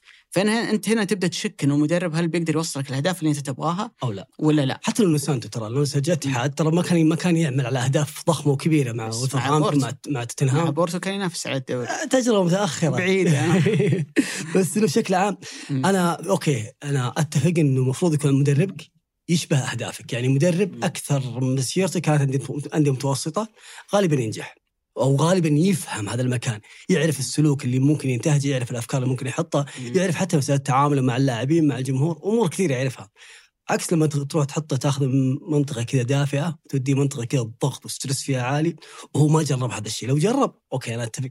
بس إنه ما لها أنا ما أشوف ما لها ما لها منطق ثابت. بما إنك جيتني في الضغط وال stress يا أبو علي هل هناك إنسان يعيش على أرض المملكة اليوم على ضغط و stress أكثر من نونو سانتو؟ ابدا. أنا شفت دقيقة دقيقة. التصريح اللي قاله كذا يعلمك إنه فعلا ال stress اللي جالس يمر فيه مرة عالي وعالي جدا لدرجة إن. إنه صياغة الخبر لما تطلع. تحاول تبين فيها إنه فعلا تصريح شوي قاسي، هو تشوف تصريحه ترى طبيعي وعادي، أنا في تصنيفي له تصريح عادي، بس المباراه بروح أنام، ولكن طريقة صياغة الخبر شوي خلته أو خلته في خانة شوي صعبة من ناحية إنه هو توك مهزوم توك متعادل ومع متذيل الترتيب، احترم الجمهور، بين تعاطفك بس تحس إنه كذا. خارج السياق، أنا كذا قاعد تسال مم. شنو الاتحاد واللي قريبين من, الاتحاد قلت فسروا لي حالة جوتا أبي تفسير كذا اعطوا ارموا لي إيش وش صار؟ قالوا ليش؟ كيف يجي؟ وكيف يروح؟ أو ما يلعب؟ وكيف إنه برتغالي؟ نونو سانتو برتغالي؟ طيب لو كان برتغالي هو برتغالي أكيد نونو سانتو بيغار عليه وبيلعبه، مم. طيب من اللي جابه؟ كيف جاء؟ وش السبب؟ فجتني إجابة مقنعة صراحة، يعني حسيت إنه إجابة أنا ليش ما فكرت فيها زي كذا؟ كيف فاتتني؟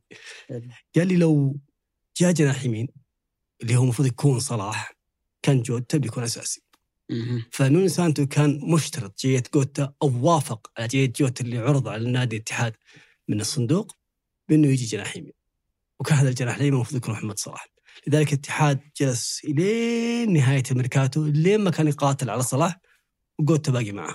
ولا already العرض جاهز من الاتفاق إنه رايح الاتفاق خلاص بس إنهم قاتلوا حتى اللحظة الأخيرة. وهنا تروح الاتحاد. تغير خططك كلها عشان ما جاء محمد صلاح؟ تخيل يعني. طيب هل هل الهلال غير خططه لأنه ما جاء ميسي؟ كان يلاحق ميسي من السنة اللي راحت ولا جاء ولا منع من إنه يحافظ على نفس الرسم بس بدل ميسي حط نيمار. بس إنه لا هنا تيجي يجي السؤال الجوهري كيف انك إنك أنت تقاتل على فكرة واحدة مربوطة بشخص أو لاعب واحد إذا جاء وإذا ما جاء خلاص تلتغي وبخسر لاعب؟ ما هو منطقي إنك إنك يكون كذا مقياسك لها. آه بس إنه منطقيا طب السوق مليان لعيبة. جناح يمين يعني.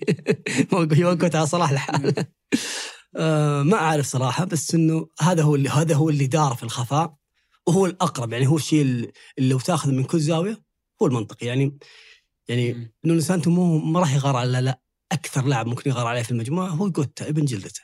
ولا جابه عشان عشان يتكسب من وراه هو عرض عليه. وحتى لو كان بيتكسب من وراه أكيد إنه بيلعبه عشان يجيب سعر كويس. مم. فكل شيء يقول لك إن هذا فعلا هو الشيء اللي دار بس أحس ان الفكرة أبو علي فيها جانب ما هو منطقي. تدري ليش؟ هل نقدر نعتبر تاليسكا لاعب جناح؟ لا. طيب. يلعب تاليسكا ورونالدو يلعب ماني. يعني مو بلازم فريق يكون عنده جناحين كلهم يلعبون على الخط. يعني تقدر ان انت تمشي بجوتا وتخليه واحد من ضمن الثمانية حتى لو أنت ما جبت جميل. آه، محمد صلاح. أتوقع إنه يمكن الكلام عن الاتحاد ما يعنينا كثير تفاصيل اللي صار في المباراة.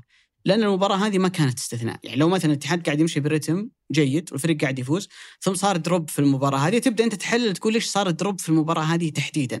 لكن المشكلة في الاتحاد إن ال drop قاعد يصير في عدة جولات في آخر أربع مباريات الفريق خسر من الأهلي وطلع بثلاث تعادلات. من 12 نقطة أنت خسرت تسع وجبت ثلاث نقاط. يعني نتيجتها أنت اليوم صرت في المركز السادس اللي ما يليق بالاتحاد. ابدا. من ضمن الأرقام والتفاصيل اللي أنت تأخذها في الفترة الأخيرة بالنسبة للاتحاد الفريق عنده مشكلة هجومية واضحة. يعني الفريق اللي فيه بنزيما وحمد الله وروماريني وكل ذا الأسماء العجيب إنه في آخر ست مباريات بدءا من مباراة الخلود اللي الفريق عانى فيها من أجل التسجيل وحط معها مباراة القوة الجوية اللي كانت في دوري أبطال آسيا مع الأربع مباريات اللي تكلمنا عنها في بطولة الدوري. آخر ست مباريات الفريق 75 دقيقة. 90 في كل مباراة زائد 30 دقيقة وقت بدل ضايع في مب... إضافي في مباراة الخلود. تكلم عن 570 دقيقة الفريق مسجل فيها خمس أهداف. يعني معدل كل كل دقيقة. 114 دقيقة هدف.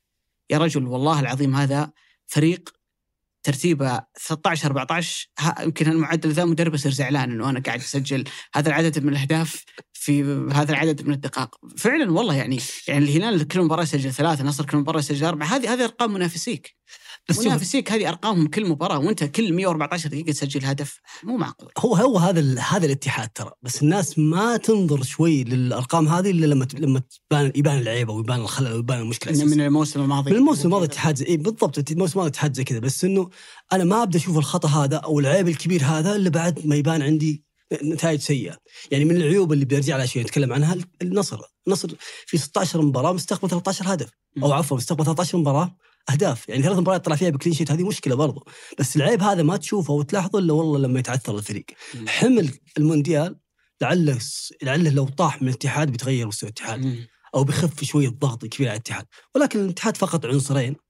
العنصرين اللي كانوا يامنونه دفاعيا وإنه ما يتسجل عليها اجوال واللي كانوا يسجلون له في الحالة الهجومية. فعلا شراحيلي وحجازي شراحيلي وحجازي مباريات كثير الاتحاد الاثنين حسموها حسموها بكرة صحيح. كرة ثابتة ركنية وكانت في دقائق صعبة في المباريات. يعني أحيانا تشوف الهدف في دقيقة 82 81 ومعدل خلق الفرص في الاتحاد هو نفس المعدل اللي كان يخلقه في المباراة الواحدة في الجولات السابقة. ثلاث أربع فرص محققة. ولكن الحالة اللي قاعد تصير الآن أنها ما تسجل. مم. وفي حالة ممكن كذا تشوفها في المباراة مباراة الحزم تحديدا تزعل أنك تشوفها.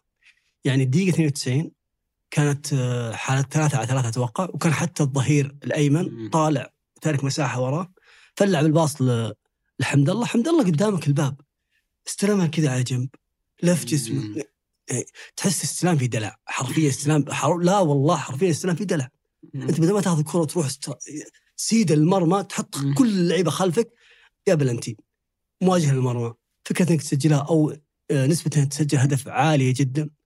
وجه تاخذها يمين تسوي ضاعت تطلع من الملعب. والجمهور قدامك وانت تسمعهم جالسين يسبون. وأنا ما اعتقد انه سلوك جيد من الجمهور إنه. إنه بهذه الطريقة يتكلم. يعني كان مرة كلام بذيء. إنك تسب اللاعب. بس اللاعب متعود في نهاية الأمر إنه هو لاعب خبرة 32 سنة عمره. مر بتفاصيل كثيرة في مسيرته مر بمشاكل كثيرة في في تجاربه مع النصر مع في قطر في المنتخب الوطني المغربي. هو متعود. بس الابتسامة اللي كانت في الفيديو ما كانت صراحة يعني ما كانت حلوة. ابدا لازم لازم مشاعر الجمهور اللي يهتف لك دائما. يا أخي هو شوف المفروض انه في أوقات الأزمات إن ال- الناس اللي عادة تح- تحصل على أكبر قدر من المحبة والتقدير إنها تطلع في أوقات الأزمات وتتصدى للأزمة وتتكلم كلام. أنا ما أقول لك ما في تخدير لكن على الأقل يحسس الجمهور والمتابع إني أنا حاسس بغضبكم وأنا عارف إنه إحنا قاعدين نمر بمشكلة بس لازم نحط ايدينا بيدين بعض عشان نخرج من هذه ال- الأزمة، لكن التجاهل مثلا زي لما قال نونو سانتو إني أنا بروح أنام و... زي اللي ما همني الموضوع وزي ما قلت اللي ردود الفعل اللي صارت يمكن بعد المباراة ترى تخلي المشجع يغلي،. ليش؟ يعني ما في مطالبة كبيرة في الاتحاد اليوم بأن نونو سانتو لازم يمشي. يعني لو تسأل جمهور الاتحاد منقسم ممكن جزء كبير منهم يرى أنه نونو سانتو مدرب كبير وحققنا معه النجاح الموسم الماضي بس يحتاج يغير بعض القناعات. فانت ما خسرت المدرج. أنت ما خسرت الدعم بالكامل، لا يزال جزء كبير من المدرج معك. فتحاول إنك يعني على قولتهم تشتري وقت إنه بيتحسن الوضع من الجولة الجاية، إحنا مقدرين لزعلكم، هذه ما كانت أفضل نتيجة، المباراة كانت في يدنا بس ممكن استقبلنا هدف في آخر الدقائق، تحاول نوعا ما إنه أنت تلطف الأجواء شوي، يعني اتذكر مباراة الهلال وضمك. لما كان تعثر وكان فيه طلع جيسوس تكلم في المؤتمر وقال إنه إحنا عندنا ضغط وإرهاق وطلع سالم وصرح في ال flash interview بعد المباراة مسألة إنك تحاول إنك تختبئ بعد التعثر اللي من هالنوع وما تتحمل المسؤولية ترى هذه تزعل شوي. المفروض دائما أنا عندي قناعة اللي ياخذ أكبر قدر من المحبة والتقدير وقت الفوز ترى المفروض وقت التعثر أنت اللي تخرج. صح. مو بوقت التعثر تبدأ تتوارى وتخلي لاعبين آخرين يطلعون يصرحون يتكلمون هم اللي يتحملون المسؤولية. بس بس أتوقع أكبر سؤال اليوم في الاتحاد ابو عاليه أه هل الحل في الاتحاد إنه يتغير نونو سانتو؟ ولا إنه يستمر وممكن أزمة ويعدي منها؟ لأن الهلال مر بأزمة. دائما ما يشار إلى مباراة ضمك إنها كانت ذروة الأزمة. والنصر بعد التعثر في أول مباراتين ضد. الاتفاق والتعاون كان مر بأزمة. إلى الشوط صبر الأول. إي صبر الم... الإدارتين على المدرب جاب نتيجة، الفارق إنه في الاتحاد دروب طول، يعني تكلم عن أربع مباريات أنت خسرت فيها تسع نقاط. فترة الشك كبير. فترة الشك طالت والجمهور لما يحاول يطالب المدرب غالبا يبغى يبغى تغيير في الملعب، يبغى نتيجة إيجابية، واحيانا تحتاج نتيجة إيجابية بس عشان تحقق نتيجة إيجابية، يعني فوز الهلال ترى على في بطولة كأس الملك مين كان الخصم هي في ذيك المباراة؟ الجبلين جبلين. الجبلين واحد صفر ترى كان فوز غير مقنع بس إنه كان جاي بعد فترة كذا صعبة وأنت محتاج بس تفوز. أنا. بس افوز أقفل. الألسنة اللي جالس تاكلني من ورا وركز على عملي. ففترة الشك طالت. أنا أتفق بس لو تلاحظ ابو علي رقم كذا غريب. في آخر خمس مباريات اتحاد كم لاعب ذهب في التشكيلة؟ كذا في ظنك. مم. كم لاعب؟ والله عادة نونو سانتو ترى ما يغير يعني. ما يغير كثير. إي ما تغييراته مع بس المباراة اللي راحت يعني تجلسه الرومارينو على الدكة ذي هذه حمد الله يعني عرفت اللي كم مباراة شفنا رومارينو أصلا يبدأ المباراة من الدكة من يوم جاء الاتحاد كان حدث غريب يعني خمس لعيبة بس أساسيين في الخمس ثابتين في الأربع مباريات الأخيرة للاتحاد مم. جروهي لوبيز كانتي وكورنادو مم. ومسعود هذول الخمسة 11 أنت لاعب لما تمر بأزمة طيب المفروض. تغير ولا تثبت؟ لا المفروض مو مو تغير بس في أزمة في أزمة إصابات للفريق مم. في أزمة آه، عدم خلينا نقول آه، اللاعبين ما هم في حالة بدنية جيدة في الف- في الفريق، اللاعبين ما هم في حالة مثالية جيدة، في تس المدرب حتى ما لقى التركيبة أو الأسلوب الأنسب أو الرسم أو حتى حتى الاختيار الأمثل ل 11 لاعب اللي يمثلون في أرض الملعب ما وصل له حتى الآن. برضو الإصابات لها عامل وعامل قوي جدا الاتحاد. بس تشعر إنه احساسي يقول إنه متى ما انتهى حمل المونديال اللي. الكل كذا أصلا لو تسال ما حد يبغى الدوري إحنا شو نسوي في كأس العالم. هم ما يدرون لو أنت في كأس العالم ترجع بالنهايه تكمل بالدوري ترى حقك يعني ما. بتروح بس لو طاح هذا الحمل حق حق المونديال أتوقع إنه بيتغير أشياء كثير في الاتحاد أيوه الكلام هو هل نصل إلى المونديال ونونو سانتو موجود؟ أتوقع إنه بنوصل يعني ولا طول ولا نفس فترة؟ دياز تتذكر قبل المونديال قبل المونديال الأخير اللي جاء اي فيه بس أنت تتكلم عن أسوأ موسم للهلال في الدوري يمكن في آخر ست أو سبع سنوات. يعني أوكي الهلال سوى شيء كويس في كأس العالم لكنه في الدوري كان كارثي الهلال ال- الموسم الماضي. أنا في حالة ممكن أقدر أشبهها بوضع الاتحاد في الفترة الحالية اللي هي حالة أتلتيكو مدريد مع سيميوني. كم سنة الرجال موجود مع أتلتيكو يفوز بالدوري ثم يختفي لعدة سنوات ثم يرجع يفوز بالدوري ثم ثم يختفي بعد ذلك. السبب أن الفرق اللي ما هي ذات طابع هجومي ترى في الغالب ما تقدر تكسب الدوري كل سنة صح ولو كسبت الدوري سنة تراها تتوارى يعني في السنوات اللي بعدها. الأندية اللي غالبا ما تنافس على الدوري وكل سنة هي رقم ثابت في المنافسة هي الأندية اللي طابعها آه طابعها هجومي. وزي ما قلنا تسجل عدد كبير جدا من الأهداف. يمكن زي وضع النصر اليوم وضع الهلال هي النماذج الواضحة. إنك تكون فريق قوي في الجانب الدفاعي وكويس في الكور الثابتة وتقدر تخطف المباريات 1-0 كسبك دوري. لكنه ما يكسبك دوري في كل سنة. في خمس سنوات ممكن يكسبك الدوري مرة. بس ما يكسبك اياه ثلاث أربع مرات. عشان كذا اقلت بيلو أنتم. في خمس خمس سنوات. تحتاج دائما عشان تكون في المنافسة إن يكون طابعك هجومي. هل نونو سانتو هو المدرب اللي طابعه هجومي؟ ما أعتقد. هل نونو سانتو هو المدرب اللي بيخليك تنافس على الدوري في كل سنة؟ ما أعتقد. نونو سانتو هو مناسب لفريق فيه فارق بينه وبين المنافسين فهو اللي بيجي وبيقلص لك الفارق هذا.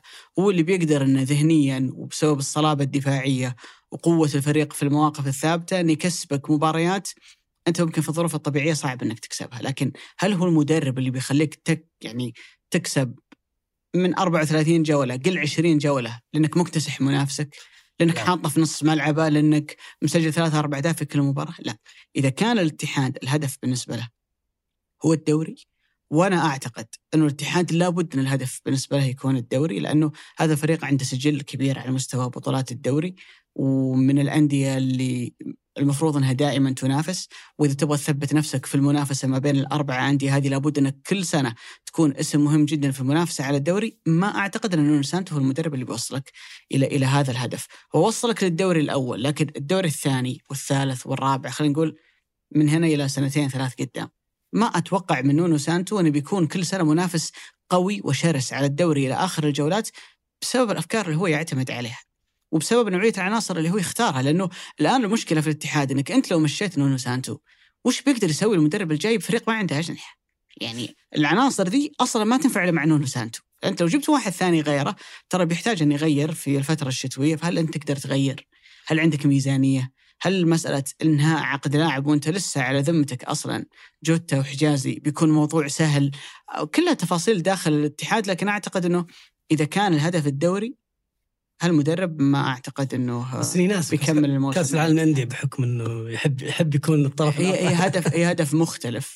وبتلعب مباريات خلينا نقول المغلوب إيه؟ وعلى أرضك يعني بالضبط. ومش وتحتاجك تخطفها بذكاء لكن تاخذها بالهدف النص النص هدف على قولتهم. صح فعلا لو تلاحظ الاتحاد لما جاب الدوري ترى جابه بال بالهدف وكيف تسجل هدف؟ هدف 1 2 1 1 0 كرة ثابتة. آه، تستغل ظروف المباراة. أحيانا تلعب لك مباراة ميتة وتفوز فيها بالواحد صفر. ولكن الحسنة الوحيدة في هذا كله في الاتحاد هو كانتي.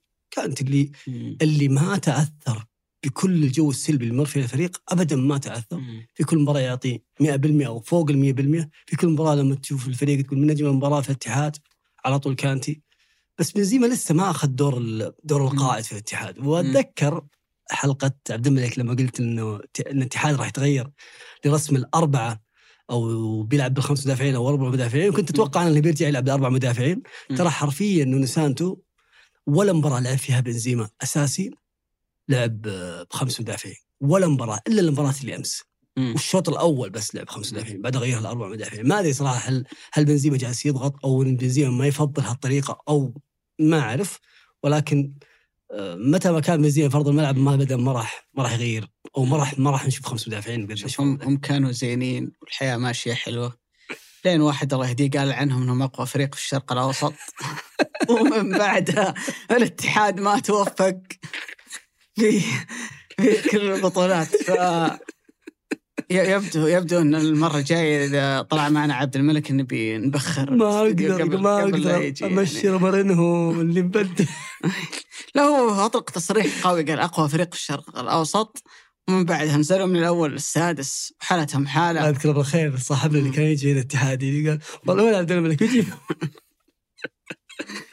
لكن إذا كانت الأوضاع خلينا نقول مشحونة في الاتحاد أعتقد إن الوضع فيه أهدى.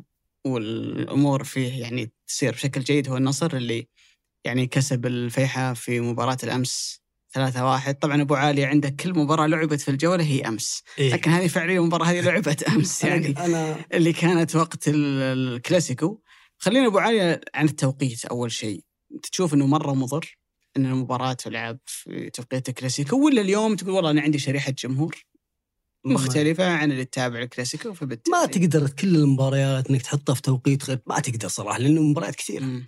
يعني البريمير ليج يلعب فيه خلينا نقول السبت والأحد مباريات كثيرة ومنها قمم فأنت ما تقدر إنك تغامر أو إنك في كل مرة تحاول تغامر إنك في, في. جانب التوقيت بس مباراة زي كلاسيكو مباراة عظيمة وكبيرة جدا وأعتقد انه إنه إنه جاء طلب كذا إنه يتغير توقيتها وأثر هذا الشيء خلينا نقول على الحضور الجماهيري ولكن هي مباراة يعني دافئه شوي وجت قبلها قمة فمرة تصير أو مرتين أو أو خلينا نقول ثلاث أربع مرات في الموسم كامل أشوف إنها عادي.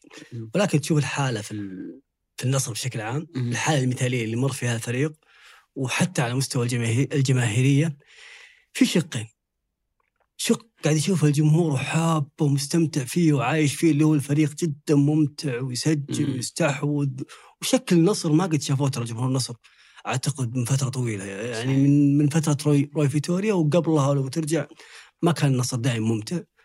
وشق ثاني كذا يوتر الناس اللي أوكي يركزون في التفاصيل اللي هي الحالة الدفاعية أو إن الفريق اللي يستقبل أهداف من جل الفرق. يعني فريق يستقبل في دوري أبطال آسيا استقبل حتى في كأس في كأس الملك حتى مع الناس ينافس من أحد. واستقبل ضد أندية متأخرة في الدوري. في دوري ابطال آسيا. مباراة الدحيل استقبل ثلاث أهداف. آه، أمس استقبل برضو هدف من كرة ثابتة. نواف العقيدي شال واجد. بالضبط نواف شال الليلة. ف النتائج كويسة. أنا هنا أقول لك لما قلت لك المشاكل تبان لما النتائج تأثر. ترى المشاكل هذه في النصر الدفاع ذا المشكلة والهجمات الخطيرة والأهداف اللي يستقبلها. ما حد جالس يتكلم عنها أو ما حد مركز عنها لأن في شق كذا هجومي ممتع. رونالدو جالس يبدع. تيريسكا يسجل الفريق جالس يفوز الفريق رايح في رتم مرة عالي. فما حد بيركز فيها بقد ما يركزون على على الجانب ال- السلبي. بس شفت أبو علي إن الفريق الهجومي يكسب. يكسب. يعني حتى لو يصير عندك مشاكل هذا الكلام قلنا عنه نسانت حتى لو عندك مشاكل في الجانب الدفاعي بس الطغيان الهجومي هذا ترى هو اللي هو اللي كسبك. من اللي من اللي سوى الانقلاب الضخم هذا في كرة القدم؟ من اللي عمل الثورة اللي حول كرة القدم من لعبة هجومية وممتعة إلى كرة دفاعية وشوي فترة من فترات. هي في بداية التسعينات نهائي الشهير في دوري الأبطال اللي خسر فيه برشلونة 4-0 من من ميلان ميلان. كان كرويف مكسر الدنيا 10 سنوات كرة هجومية. جت هالمباراه بالأسلوب الدفاعي الإيطالي الكاتناتشيو هذا وفازوا بالأربعة قال آه انتهت الكره الشامله جيب لنا الكرة الإيطالية. فعلا ترى بعدها. آه تقريبا في كل نهائي كان في نادي إيطالي يلعب نهائي. يعني يوفنتوس لعب النهائي ثلاث مرات متتاليه الميلان حقق بطوله أكثر من مرة. تغيرت كرة وجه كرة القدم تغير. بعد جت فترة أو كرة برشلونة مع بيبي جوارديولا وحولت اللعبة من لعبة دفاعية إلى لعبة هجومية. وبرضه حولت كرة القدم ترى من من هناك تقريبا خلينا نسميها العقد الأخير. في العقد الأخير ترى كرة القدم تحولت إلى لعبة الأجنحة. صار الأجنحة لهم دور كبير في كرة القدم. قبله ما كنا نشوف أجنحة كنا نشوف الأسلوب اللي يحبه سانتو مم. اللي هو أربعة ثلاثة واحد اثنين. إي بالضبط. فشنو الأجنحة اللي غيرت شكل كرة القدم؟ هل ممكن نرجع أن كرة القدم تتحول أو, أو الأجنحة آه، تندثر ويجي بعدها شكل جديد؟ ريال مدريد الآن جالس ينتهج هذا الشيء. يعني مدريد جالس يلعب بالأربعة ثلاثة واحد بلينغهام. ومهاجمين. نخلي هذا كله يمين ونتكلم عن النصر تحديدا في. في المباراة أو في دوري أبطال آسيا بعد المباراة خل خل المباراة شوي بروح. تصريح بعد المباراة طلع رونالدو في المؤتمر وكان وقتها مسجل هدفين كل واحد أجمل من الثاني تحس إن عمره لسه 20 سنة مم. فعلا وقال إني إن سأله الصحفي أتوقع أنه فارس فزي قال له وش سر التألق هذا جالس تقدمه؟ قال آه، أنا أستمتع وأنا ألعب ولعل السر في إني أستمتع ألعب مم. هل وقتها أو ما قبل ذلك كان رونالدو لما كان يلعب تحت الضغط وستريس عالي ومباريات ضخمة هل رونالدو كان يخاف أو متوتر ولا يستمتع قد ما يلعب؟ أكيد لا أكيد إنه يستمتع. آخر واحد في العالم ولكن درجة الاستمتاع ممكن تكون أقل مما تكون هنا. ولعل رونالدو استشعر قيمة المرحلة. صدق استشعر قيمة المرحلة عرف مكانه صدق وين. يعني ما حاول يجازف أو يغامر أو ياخذ أو يكابر على نفسه على قيمته لما انتهى أو نهي عقده مع مانشستر يونايتد راح لمكان ثاني واستشعر هذا المكان واستشعر مكانه وين وراح الهدف إني أصنع دوري قوي أستمتع باللعب آه اخذ آخر عقد في عمري ممكن يكون عقد طويل المدى حتى في مسألة في مسألة البناء المنظومة الرياضية في السعودية. وشفناه كيف قاعد يشارك في, في الأحداث الكبيرة والضخمة في السعودية للرياضية تحديدا سواء في الألعاب الإلكترونية. في إنشاء بطولة الرياض في الألعاب الإلكترونية وحتى في حضوره أمس لبداية وانطلاقه موسم الرياض في اللعبة القتالية. فالرجل جالس يستمتع بكل لحظة وعارف مكانه وين لذلك هو جالس يستمتع. يعني أنت أبو علي الحين لو تقدم هذه الحلقة وأنت كذا ما جالس تستمتع بتأدي كويس؟ أكيد لا. أكيد لا. شوف خلينا أبو علي نعود للمباراة واللي صار فيها ولنفترض سيناريو عكس اللي صار في المباراة. إنه النصر اليوم غايب عبد الله الخيبري غايب بروزوفيتش خط الدفاع الأربعة باستثناء آه، الكس تيلس الثلاثة البقية كلهم غايبين. لابورت وعلي لاجامي وسلطان الغنام. ضد فريق قلنا عنه إنه متخصص في تعطيل الأندية الكبيرة ويلعب دائما قدامهم مباريات مملة طفشهم تخرج أسوأ ما لديهم. فريق عنده ساكالا وهنري أونيكورو وعنده نواكايمي وعنده كل ذي الأسماء الهجومية وإنه قفل على النصر واستغل هجمات مرتدة وخلص المباراة. واليوم الفارق بين الهلال والنصر بدل ما هو أربع نقاط سبع ولا ولا ست نقاط. سيبدو سيناريو منطقي جدا. ليش؟ لأنك أنت عندك غيابات في الجانب الدفاعي. ضد فريق يعرف يصعب عليك المباراة وعنده حلول هجومية فبالتالي هي لو أنت تاخذ ال 34 جولة في مباريات كذا بتعلم عليها تقول هذه نسبة الخطر فيها عالية إني أنا أفقد نقاط هذه واحدة منها. بسبب الظروف اللي أنت موجود فيها وبسبب طبيعة نادي الأسلوب اللي يلعب فيه نادي الفيحاء لكن اللي صار أن النصر تعامل مع المباراة بذكاء شديد جدا ولعل مرجع ذلك هي التشكيلة اللي اختارها كاسترو من بداية المباراة. منطقي وطبيعي لما يغيب عنك عبد الله الخيبري. تنزل علي الحسن ممكن تنزل عبد المجيد الصليم وتحاول إنك تحتفظ بنفس الرسم اللي أنت معتاد إنك تلعب فيه. هو راح لخيار ثاني إن يلعب أوتافي وفوفانا اثنين لعيبة محور وقدامهم على اليمين تاليسكا وعلى اليسار عبد الرحمن غريب ووظف ساديو ماني توظيف مختلف عن اللي شفناه تحت كريستيانو رونالدو بحيث إنه يكون دائما قريب من رونالدو آه، داخل منطقة الجزاء، الأهداف الثلاثة كلها يا أبو عالية فيها تفاصيل تبين لك إن المدرب انتقلت الفكرة منها للاعبين إن شلون نتعامل مع فريق متكتل زي الفيحاء. الهدف الأول إنك تلعب الكورة. هم الفيحاء في المباراة كان يلعب خمسة أربعة واحد. المدافعين السناتر اللي هو مخير رشيدي مع آه، حسين الشويش. آه الثالث اللي كان رايلر اللي هو أصلا لاعب ارتكاز بس في المباراة هذه استخدمه كقلب دفاع أيمن عشان يلعب بثلاثه مدافعين. نفس الطريقة اللي لعب فيها ضد الهلال وعطل فيها الهلال في المباراة اللي كانت في استاد الملك فهد فاني أنا ألعب التمريرة في ظهر واحد من المدافعين اللي هو ال centre back اليمين. طبيعي لاعب الليبرو بيقص صح. اللي هو مخير الرشيدي بيقص يحاول إنه يضغط على حامل الكرة اللي هو كريستيانو. وش سوى كريستيانو؟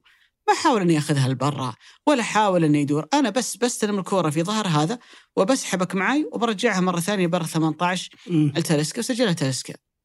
الهدف الثاني الكرات الرأسية تحاول قدر المستطاع أنك دائما تخلخل تنظيم المدافعين فما طلبها تاليسكا في ظهر لا. لاعب الارتكاز المدافع عفوا لا طلبها خلينا نقول في المسافة اللي المدافع عادة ما يطلع للأمام وبعد ذلك كانت ضربة رأسية بارعة منه والهدف الثالث أوتافيو نفس الفكرة اللي هي مسألة التصويب من برا ال 18 لفريق متكتل. ففي شغل كبير صراحة جدا من كاسترو في المباراة وفي ظهور صراحة جيد لعناصر النصر الهجومية. أنا أتخيل النصر ابو عالية لو عنده خط دفاع غير اللي موجود عنده. يعني خلينا نشيل خط دفاع الهلال ونحطه في النصر. ولا قل الاتحاد الموسم الماضي لما كان موجود فيه حجازي وأحمد شراحيلي ستحصل على أقوى فريق موجود في السعودية. فريق ذا اللي يحول بينه وبين ان يكون أقوى فريق موجود عندنا هو إن مستوى دفاعه ما هو بمستوى خط هجومه. لأن اللي قاعد يسويه خط هجوم النصر مرعب مرعب. خلينا نشيل البطولة العربية. مو بلأني كذا بيضبط إحصائية على هوائي لا لا خلينا نتكلم في العناصر تحديدا إنه الفريق لسه ما أكتمل. وخلينا نشيل مباراة أحد في كأس الملك لأنه ما لعب فيها كريستيانو فما كان فيها بكامل التركيبة الهجومية عندك في الدوري ودوري أبطال آسيا. أعطيك رقم مرعب أبو علي. من 40 هدف 32 هدف. سجلها رونالدو تلسكا ماني. في الدوري من 40 من كم؟ من 32 هدف يعني من كم من أصل؟ من 40 okay. يعني الفريق كله مساهم في ثمانية أهداف. يعني والثلاثة ذولا مساهمين في 32 80% من الأهداف آه، تقريبا. الدوري تحديدا 25 من 31 الثلاثة ذولا هم اللي مسجلينها. ست أهداف بس سجلت من لاعبين آخرين. وفي دوري أبطال آسيا سبعة من تسعة. والاثنين اللي ما سجلوها النصر واحد محمد قاسم واحد كان own goal يعني م. فعليا هم اللي قاعدين يساهمون في اللي- لكل شيء بالنسبة للنصر. فهذا التأثير الهجومي المرعب جدا لهذا الثلاثي. هو اللي قاعد مبقي النصر في المنافسة في الدوري وفي دوري أبطال آسيا. الخوف وش هو؟ إن لما الثلاثة هذول لأي سبب كان واحد منهم ينصاب مستواهم ينزل يتراجع غزارتهم التهديفية بتبان عندك مشكلة إنه الفريق ما هو بالفريق اللي يقدر يخلص المباريات 1-0 هو فريق يحب المباريات اللي فيها عدد كبير جدا من الأهداف. ف التألق اللي من رونالدو يمكن من بداية الموسم ماني من بداية الموسم التغيير صراحة اللي حصل في الفترة الأخيرة والانفجار الكبير اللي صار في مستوى تاليسكا. حاليا هو ثاني هداف الدوري بعد كريستيانو ثمانية أهداف. عنده رقمين ملفتة جدا. أنه في آخر عشر مباريات كل مباراة يسجل. آخر مباراة عجز عن التسجيل كانت مباراة التعاون اللي كانت في منتصف أغسطس تقريبا. أوه، ثاني ثاني جولة. يعني تقريبا تتكلم عن شهرين الرجل ما يوقف فيها. تسجيل في آخر 10 مباريات أربعة 14 هدف واثنين أسيست. الرقم اللي ملفت صراحة عند تاليسكا في شيء يسمونه ال scoring frequency اللي هو كم تحتاج دقيقة عشان تسجل هدف. لو تاخذ أبو عالية ال top 10 تلقى فيها لعيبة صالح العمري عبد الفتاح آدم عمر الرويلي سطام الروقي هذول كلهم لعيبة دكه ينزل يسجل فبالتالي يلعب. يلعب, يلعب في دقائق أقل والمباراه منتهيه بالضبط فترفع أرقامه. من اللي يتنافس آه، مع تاليسكا؟ كريستيانو رونالدو هدف كل 81 دقيقة. عبد الله الحمداني ينطبق على الكلام نفس اللي قلناه عن اللاعبين البدلاء. موسى ديمبلي هدف كل 93 دقيقة. متروفيتش هدف كل 99 دقيقة. الأول هو تاليسكا قاعد يسجل هدف كل 70 دقيقة من لما بدأ يلعب هذا الموسم لأنه كان يعاني من إصابة في بداية الموسم فلما تشوف هذه الأرقام الملفتة جدا لتاليسكا لازم أرجع لك يا أبو علي لازم أدور عليك كان لك رأي لعلك قمت عليه لعلك. تستتاب إيه. يا أبو علي. لا. لأن تعتقد أن النصر أفضل بدون تاليسكا آه، كنت جاهل تفضل المايك عندك تقدر كنت جاهل آه، غشيم. أعطي آراء مطلقة. بداية حلقات لسه ما أخذت. ال experience اللي عندك. بس لا، مذهل مذهل يعني هي كانت المشكلة الأساسية اللي كان يبدأ فيها تلسكا من قبل أو من فترة رونالدو هي كيف تسوي الكيمستري اللي بين رونالدو وتلسكا بشكل ينسلام وماني. هذول الاثنين وتخلي هذا يسجل وتخلي هذا يسجل. لا وتضيف. بعد عليهم ماني. كانت شيء يعني صعب وصعب جدا. لأنه تخلقها في موسم واحد أو في في حالة في حالة النصر الحالية ما كانت ما كانت سهلة وكانت وقتها في كلام على تلسكا هل ينفع ما ينفع هل. نمشيه هل يبقى وبدأ الموسم النصر بدون حالة بدون تلسكا بنيت الرأي هذا كله اللي قلته. واللي لعلي ندمت عليه على الفترة. الأولى اللي هي كان فيها رونالدو مع تلسكا الموسم الماضي بعدها الحالة الدفاعية اللي كان ما يأديها تلسكا في دور في الأدوار الدفاعية وشفنا كيف غريب كان يعطي هذا البعد وهذا الدور الدفاعي. برضو عمليه تداخل المراكز بينه وبين رونالدو هل ينفع يكون رونالدو هو المهاجم وتلسكا برا أو في الطرف؟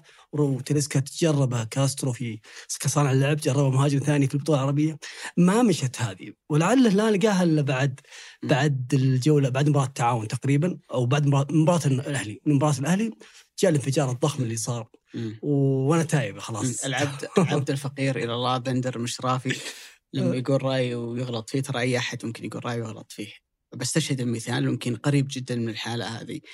آه يوهان كرويف كان يكتب مقال أعتقد في صحيفة آه سبورت أو ديبورتيفو والله ناسي فكتب مقال يعني كان العنوان أنه لا يمكن لسفينه أن تسير بقبطانين. كان يقصد وقت لما تعاقد برشلونة مع نيمار إنه ما حينفع نيمار مع ميسي في فريق واحد. نجحوا الاثنين مع بعض وزادوا عليهم بلويس سواريز. فكانت أنا من الناس اللي كان عندي اعتقاد إنه التعاقد مع لويس سواريز هو انتحار من برشلونة. شلون في فريق بيتحمل وجود الثلاثة مع بعض ما يدافعون. والثلاثة ما يدافعون وما وما بياكلها في الجانب الدفاعي. اللي صار إنهم أول سنة مع بعض جابوا الثلاثية كسروا الدنيا و... ترى بدا و- ترى ولعبوا في حسبة أوروبا و... عرفت اللي أحيانا تقيس الأمور من منظور إن ما راح يركبون مع بعض. اللعيبة إذا قرروا هم من أنفسهم إنه إحنا نبغى ننجح مع بعض نبغى نساعد بعض ترى ممكن لو تضيف واحد رابع على ماني وتريسكا وكريستيانو ترى ممكن ينجح. ينجحون. لأنه الأمر عاد في نهاية الأمر إنه أنت أدوارك بتصير مختلفة. بتتناغم مع وجود لاعبين آخرين ينافسونك على الكره الثابتة، على البلنتيات، مواقف التسجيل اللي تنخلق لك في المباراة ممكن يصير عددها أقل، لكن إذا تعاوننا نقدر إنه إحنا كلنا ننجح مع بعض وكلنا أرقامنا تصير عالية وفي نهاية الأمر نحصل على الشيء اللي إحنا نبغاه. إنه إحنا نفوز بالبطولات مع بعض. صارت كثير ترى إنريكي في الفترة ذيك. ترى إلى ثلاثة شهور الفريق ما ما ركب ترى. بعدها انفجر انفجار مرعب وسجلوا أرقام كبيرة على مستوى اهداف ريال مدريد مع مع مورينيو. الثلاثي اللي كسر الدنيا وسجل 121 هدف. أعتقد حاجة زي كذا. وأرقام كثيرة. لكن في سؤال كذا. بما ان دورينا صار قوي بالي. هل تعتقد إن تلسكا يستحق أن يلعب المنتخب البرازيلي؟ يعني يتكلم عن مم. عن جودة اللاعبين وعندك نيمار رونالدو. إيش يفرق تلسكا عن باقي اللاعبين البرازيليين؟ والله أنا مثلا يعني, عن رف... يعني بس بس رافينيا ما أشوف فيه أي حاجة زود على تلسك والله العظيم فعلا فعلا يعني ال- ال- احاول أتذكر اسمه اللي يلعب آه، مين؟ مع مانشستر يونايتد مانشستر. جناح اليمين. آه. اللي بس يدور- أنتوني أن... أن... أنت أنتوني. اللي بس يدور على الكورة هذاك. يعني على الأقل إذا أنت تبحث عن لاعب إيجابي لاعب ممكن يوفر لك حلول هجومية أتوقع إنه تلسكا ما اعلى أعلى من الاثنين كلهم. يعني ممكن مشكلة تلسكا إنه في الجانب الدفاعي يمكن ما يكون عالي. يمكن مشكلة تلسكا إنه إذا أنت بتلعب 4 2 3 1 ما هو بال- بالجناح التقليدي ولا هو صانع اللعب التقليدي لكنه مرعب على مستوى ال- التأثير ولاحظ إنه حتى تلسكا النبرة عنده تغيرت. يعني سابقا ممكن في فكرة إني أنا ألعب في الدوري السعودي فما حد يشوفني. فبالتالي ما, ما راح أستدعى. لكن أنت الدوري هذا اللي قاعد تلعب فيه قاعد يستدعى منه إيبانيز اللي المعسكر الأخير مع منتخب البرازيل. أعتقد ان إيبانيز كان موجود من صحيح. من الأهلي. وأكيد إنه أنت بتتابع مالكم وبتتابع أليكس تيليس. فكل العناصر كانت موجودة آه، فابينيو كانت موجودة مع المنتخب البرازيلي في أوقات سابقة. فطبيعي إن عينك بتقع على تاليسكا فأعتقد إنه لا إنه يستحق يعني مو مو ضروري إنه يكون لاعب أساسي لكن جزء من المجموعة 22 لاعب يستحق صراحة إنه يكون متواجد وكثير كثير لعيبة ترى دوليين في ال- في الدوري عندنا يعني فيها شو اسمه رحماني رحماني اللي. منتخب تونس أساسي مم. حارس منتخب في المونديال السابق مم. ولا ما يلعب أساسي يلعب عليه زايد أنا ما أعرف ليش ما. يلعب عليه أساسي مع إن كرينو تو. يبي. الحرب إي والله لازم أسأله بساله برضو ودي أسأله يا أخي عن. عن محمد آه، باتسومي باتسومي محمد باتسومي. هو برضو دولي مواليد 1000 بدا موسي بعد بعد موسي مم. اسمه كذا صعب هو دولي مواليد 1998 شهر 12 يعني مواليد 1999 تقريبا عنده هدف جميل على النصر النصر إيه. فقط وبعد. سجل هدف على الرايد كان مرتدة. وأمس لعب المباراة الأخيرة اللي مع الاتحاد طلع بين الشوطين ما اعرف أتوقع إصابة أو كذا. ولكن اللاعب دائما يصرح بعد كل مباراة يطلع يصرح. مبسوط على الجو. بس يا أخي تشوف وجهه كذا هذا عمره مستحيل عمره 22 مستحيل عمرها مم. 22 مم. حرفيا ملامح وجهه تجعيداتها أكثر. مني. أنا الحين بطق ال 30 بتعدى بوصل ال 40 وأنا. حرفيا لا. تذكر حق لاتسيو هذاك آه لا، إيه إيه. بالضبط. ف كذا سؤال. إنه هل في فعلا تزوير أعمار؟ يعني أتذكر أنا في واحد صديق مشترك بيني وبينك. أخذ رقمي من عندك وقال لي دق علي قال لي أنا جبت فلان اللاعب وأنا جبت فلان اللاعب مم. كان نتكلم عن لاعبين في الدوري عندنا بعدين قال لي آه، إيش رأيك في فلان؟ قلت قبل بعدين قلت له لاعب ترى في لاعب كويس ركز عليه شوفه كنت أقصد لاعب القوة الجوية قبل مباراة الاتحاد آه علي جاسم مرعب 21 سنة. مرعب اللاعب وثلاث أهداف في البطولة وقدم كان أفضل لاعب في مباراة الاتحاد على فكرة. فقلت اساله قلت إيش رأيك في اللاعب هذا؟ قال لي يا أخي ترى مشكلة العراقيين إنه جوازه صحيح مو صحيح مشكلة كبيرة. نفسها في الأفارقة. موضوع العمر اي هي أتوقع أكثر واحد ترى أثار شكوكي هو جوميز لما كان يلعب في الهلال. يعني هو كي ينقال عنه 34 بس الجري والحركة 44 يعني. صامويل و... إي وارد جدا ترى صامويل ايتو صارت معاه. حتى لما صرح عليه. مدري والله من صرح راح سجل هدف بعدين سوى ظهره زي كذا. كأننا شايب. وفعلا ترى اللع- اللعيبة الأفارقة بشكل عام الأفارقة العمر في تزويره بسيط ولكن ترى في برضو تقدر تطلع عمر اللاعب الحقيقي بالعظام يعني في شيء كذا تدرسه في العظم. الأطباء يقدرون يطلعون لك ف ما أدري بس ب- بتسوي ذا لازم أسأل عليه أحمد الحرب ضروري هو المهم في نهاية الأمر إنه آه، يعني أتوقع إن هذه من الأعمار اللي ممكن أنت تاخذ فيها مغامرة أو حتى لو ما كنت متأكد انه إذا ما كان 23 كان بيكون 27 28 يعني أنت فيها يعني لكن المشكلة لما تتعاقد بعد ال 30 لا هنا أنت ممكن تاخ- تاخذ لاعب آه، معدلاته البدنية تكون أقل آه، من غيره يمكن أيضا كمان الملفت أبو علي الجولة هذه شهدت تعثر ثاني للتعاون. بعد التعادل أمام الاتحاد الجولة الماضية وفوز صعب جدا للاتفاق أمام الوحدة بتلاحظ إن كل ما يمضي الدوري ما عاد في مباريات سهلة. صحيح. تقدر أيضا الشباب تعثر أمام أمام أبها 2-1 في مباراة كان المفروض إن الشباب يكمل في سلسلة النتائج الايجابيه فما عاد ما عاد في مباراة مضمونة. تحتاج إنك تتعب في كل مباراة على أساس إنك تجيب آه، نقاطها، جيسوس بعد مباراة الهلال قال بنسوي مداورة في مباراة الحزم في كأس الملك، بس صدقني لو يلعب ضد الحزم في الدوري ما راح يسوي مداورة لأنه. الدوري صار صعب جدا. سواه الحزم ضد ال- الاتحاد إن فريق مركزه متأخر جدا ويعطلك في مباراة من هالنوع. يعطيك دلالة وإيحاء إنك أنت ما في مباراة تقدر تلعبها على الواقف ما في مباراة تقدر إنك تغير ثلاثة أربع عناصر فيها وتتوقع إنه أنت بتكسبها. طبعا إلا إذا كنت عاد مضطر يعني اللي صار اهداف اهداف الفرق تغيرت. يعني النادي يعرف إنه في في مركز متأخر من بيه الدوري. يعني الحزم داري إنه ينافس على الهبوط، الرائد داري إنه جالس ينافس أو جالس يصارع على منطقة الهبوط، تلقى في أندية جالسة تحاول ما تقرب من هالمنطقة زي ضمك أبها، في أندية بتحاول إنها تكون في منطقة دافعة شوي وتتحسن مراكزها وتنافس على على مقعد آسيوي، فالأهداف الفرق تغيرت. يعني تعادل التعاون أمس صراحة ما كان ما كان توقيت التوقيت المثالي لين كان بعده أربع. بعد هذه المباراة. ثلاث مباريات مع ضمك الرياض والهلال. وبعدها ترى بعد هاي الثلاث مباريات ممكن تنظر جدول الدوري وتشوف جدول ثاني مختلف كلها كانت مباريات في المتناول مباريات. سهلة فتعثر ما كان في وقته وبرضه ترى لو تلاحظ هدف التعاون برضه ثاني من. ركنية ونقعد نتكلم تسع م. ركنية تسع أهداف من ركنية من حلو. أصل فعلا مع ان مدران ما كان موجود هو المنفذ اللي اللي اللي معتاد.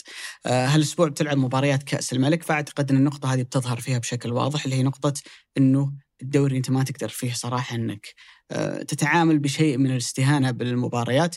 أتذكر إنه في الدور الماضي آه، دور 32 كذا مدرب ومسؤولين في أندية حتى في دوري يلو يطلع يقول لك والله المباراة هذه إحنا نازلينها بالفريق ال- ببعض التغييرات لأنه إحنا مركزين على البطوله حتى اللي في يلو ترى يعني مع إنه يلعب مع فريق من دوري المحترفين فالمفروض يكون عندي حافز يقول لك لا والله المباراة دي بغ- بغير بعض العناصر المهم عندي هو دوري صح. ونفس الكلام أتذكر إنه الاخدود والرياض وكذا نادي ما كان يلعب أفضل تشكيلة متاحة بالنسبة له لأنه يفكر في المباراة الجاية اللي موجودة على مستوى الدوري فالدوري صار قوي جدا وتنافسي ويمكن أبرز مثال على ذلك إنه تقريبا بالكاد بالكاد بتلاقي فريق يفوز ثلاث أربع مباريات ورا بعض. يعني ما تقدر تعمل لك ستريك كذا مجموعة مباريات سبع ثمان عشر انتصارات آه، ورا بعض. عشان كذا الأندية تنافس تنافس دوري أبطال آسيا أتكلم عن الثلاثه الهلال الاتحاد النصر.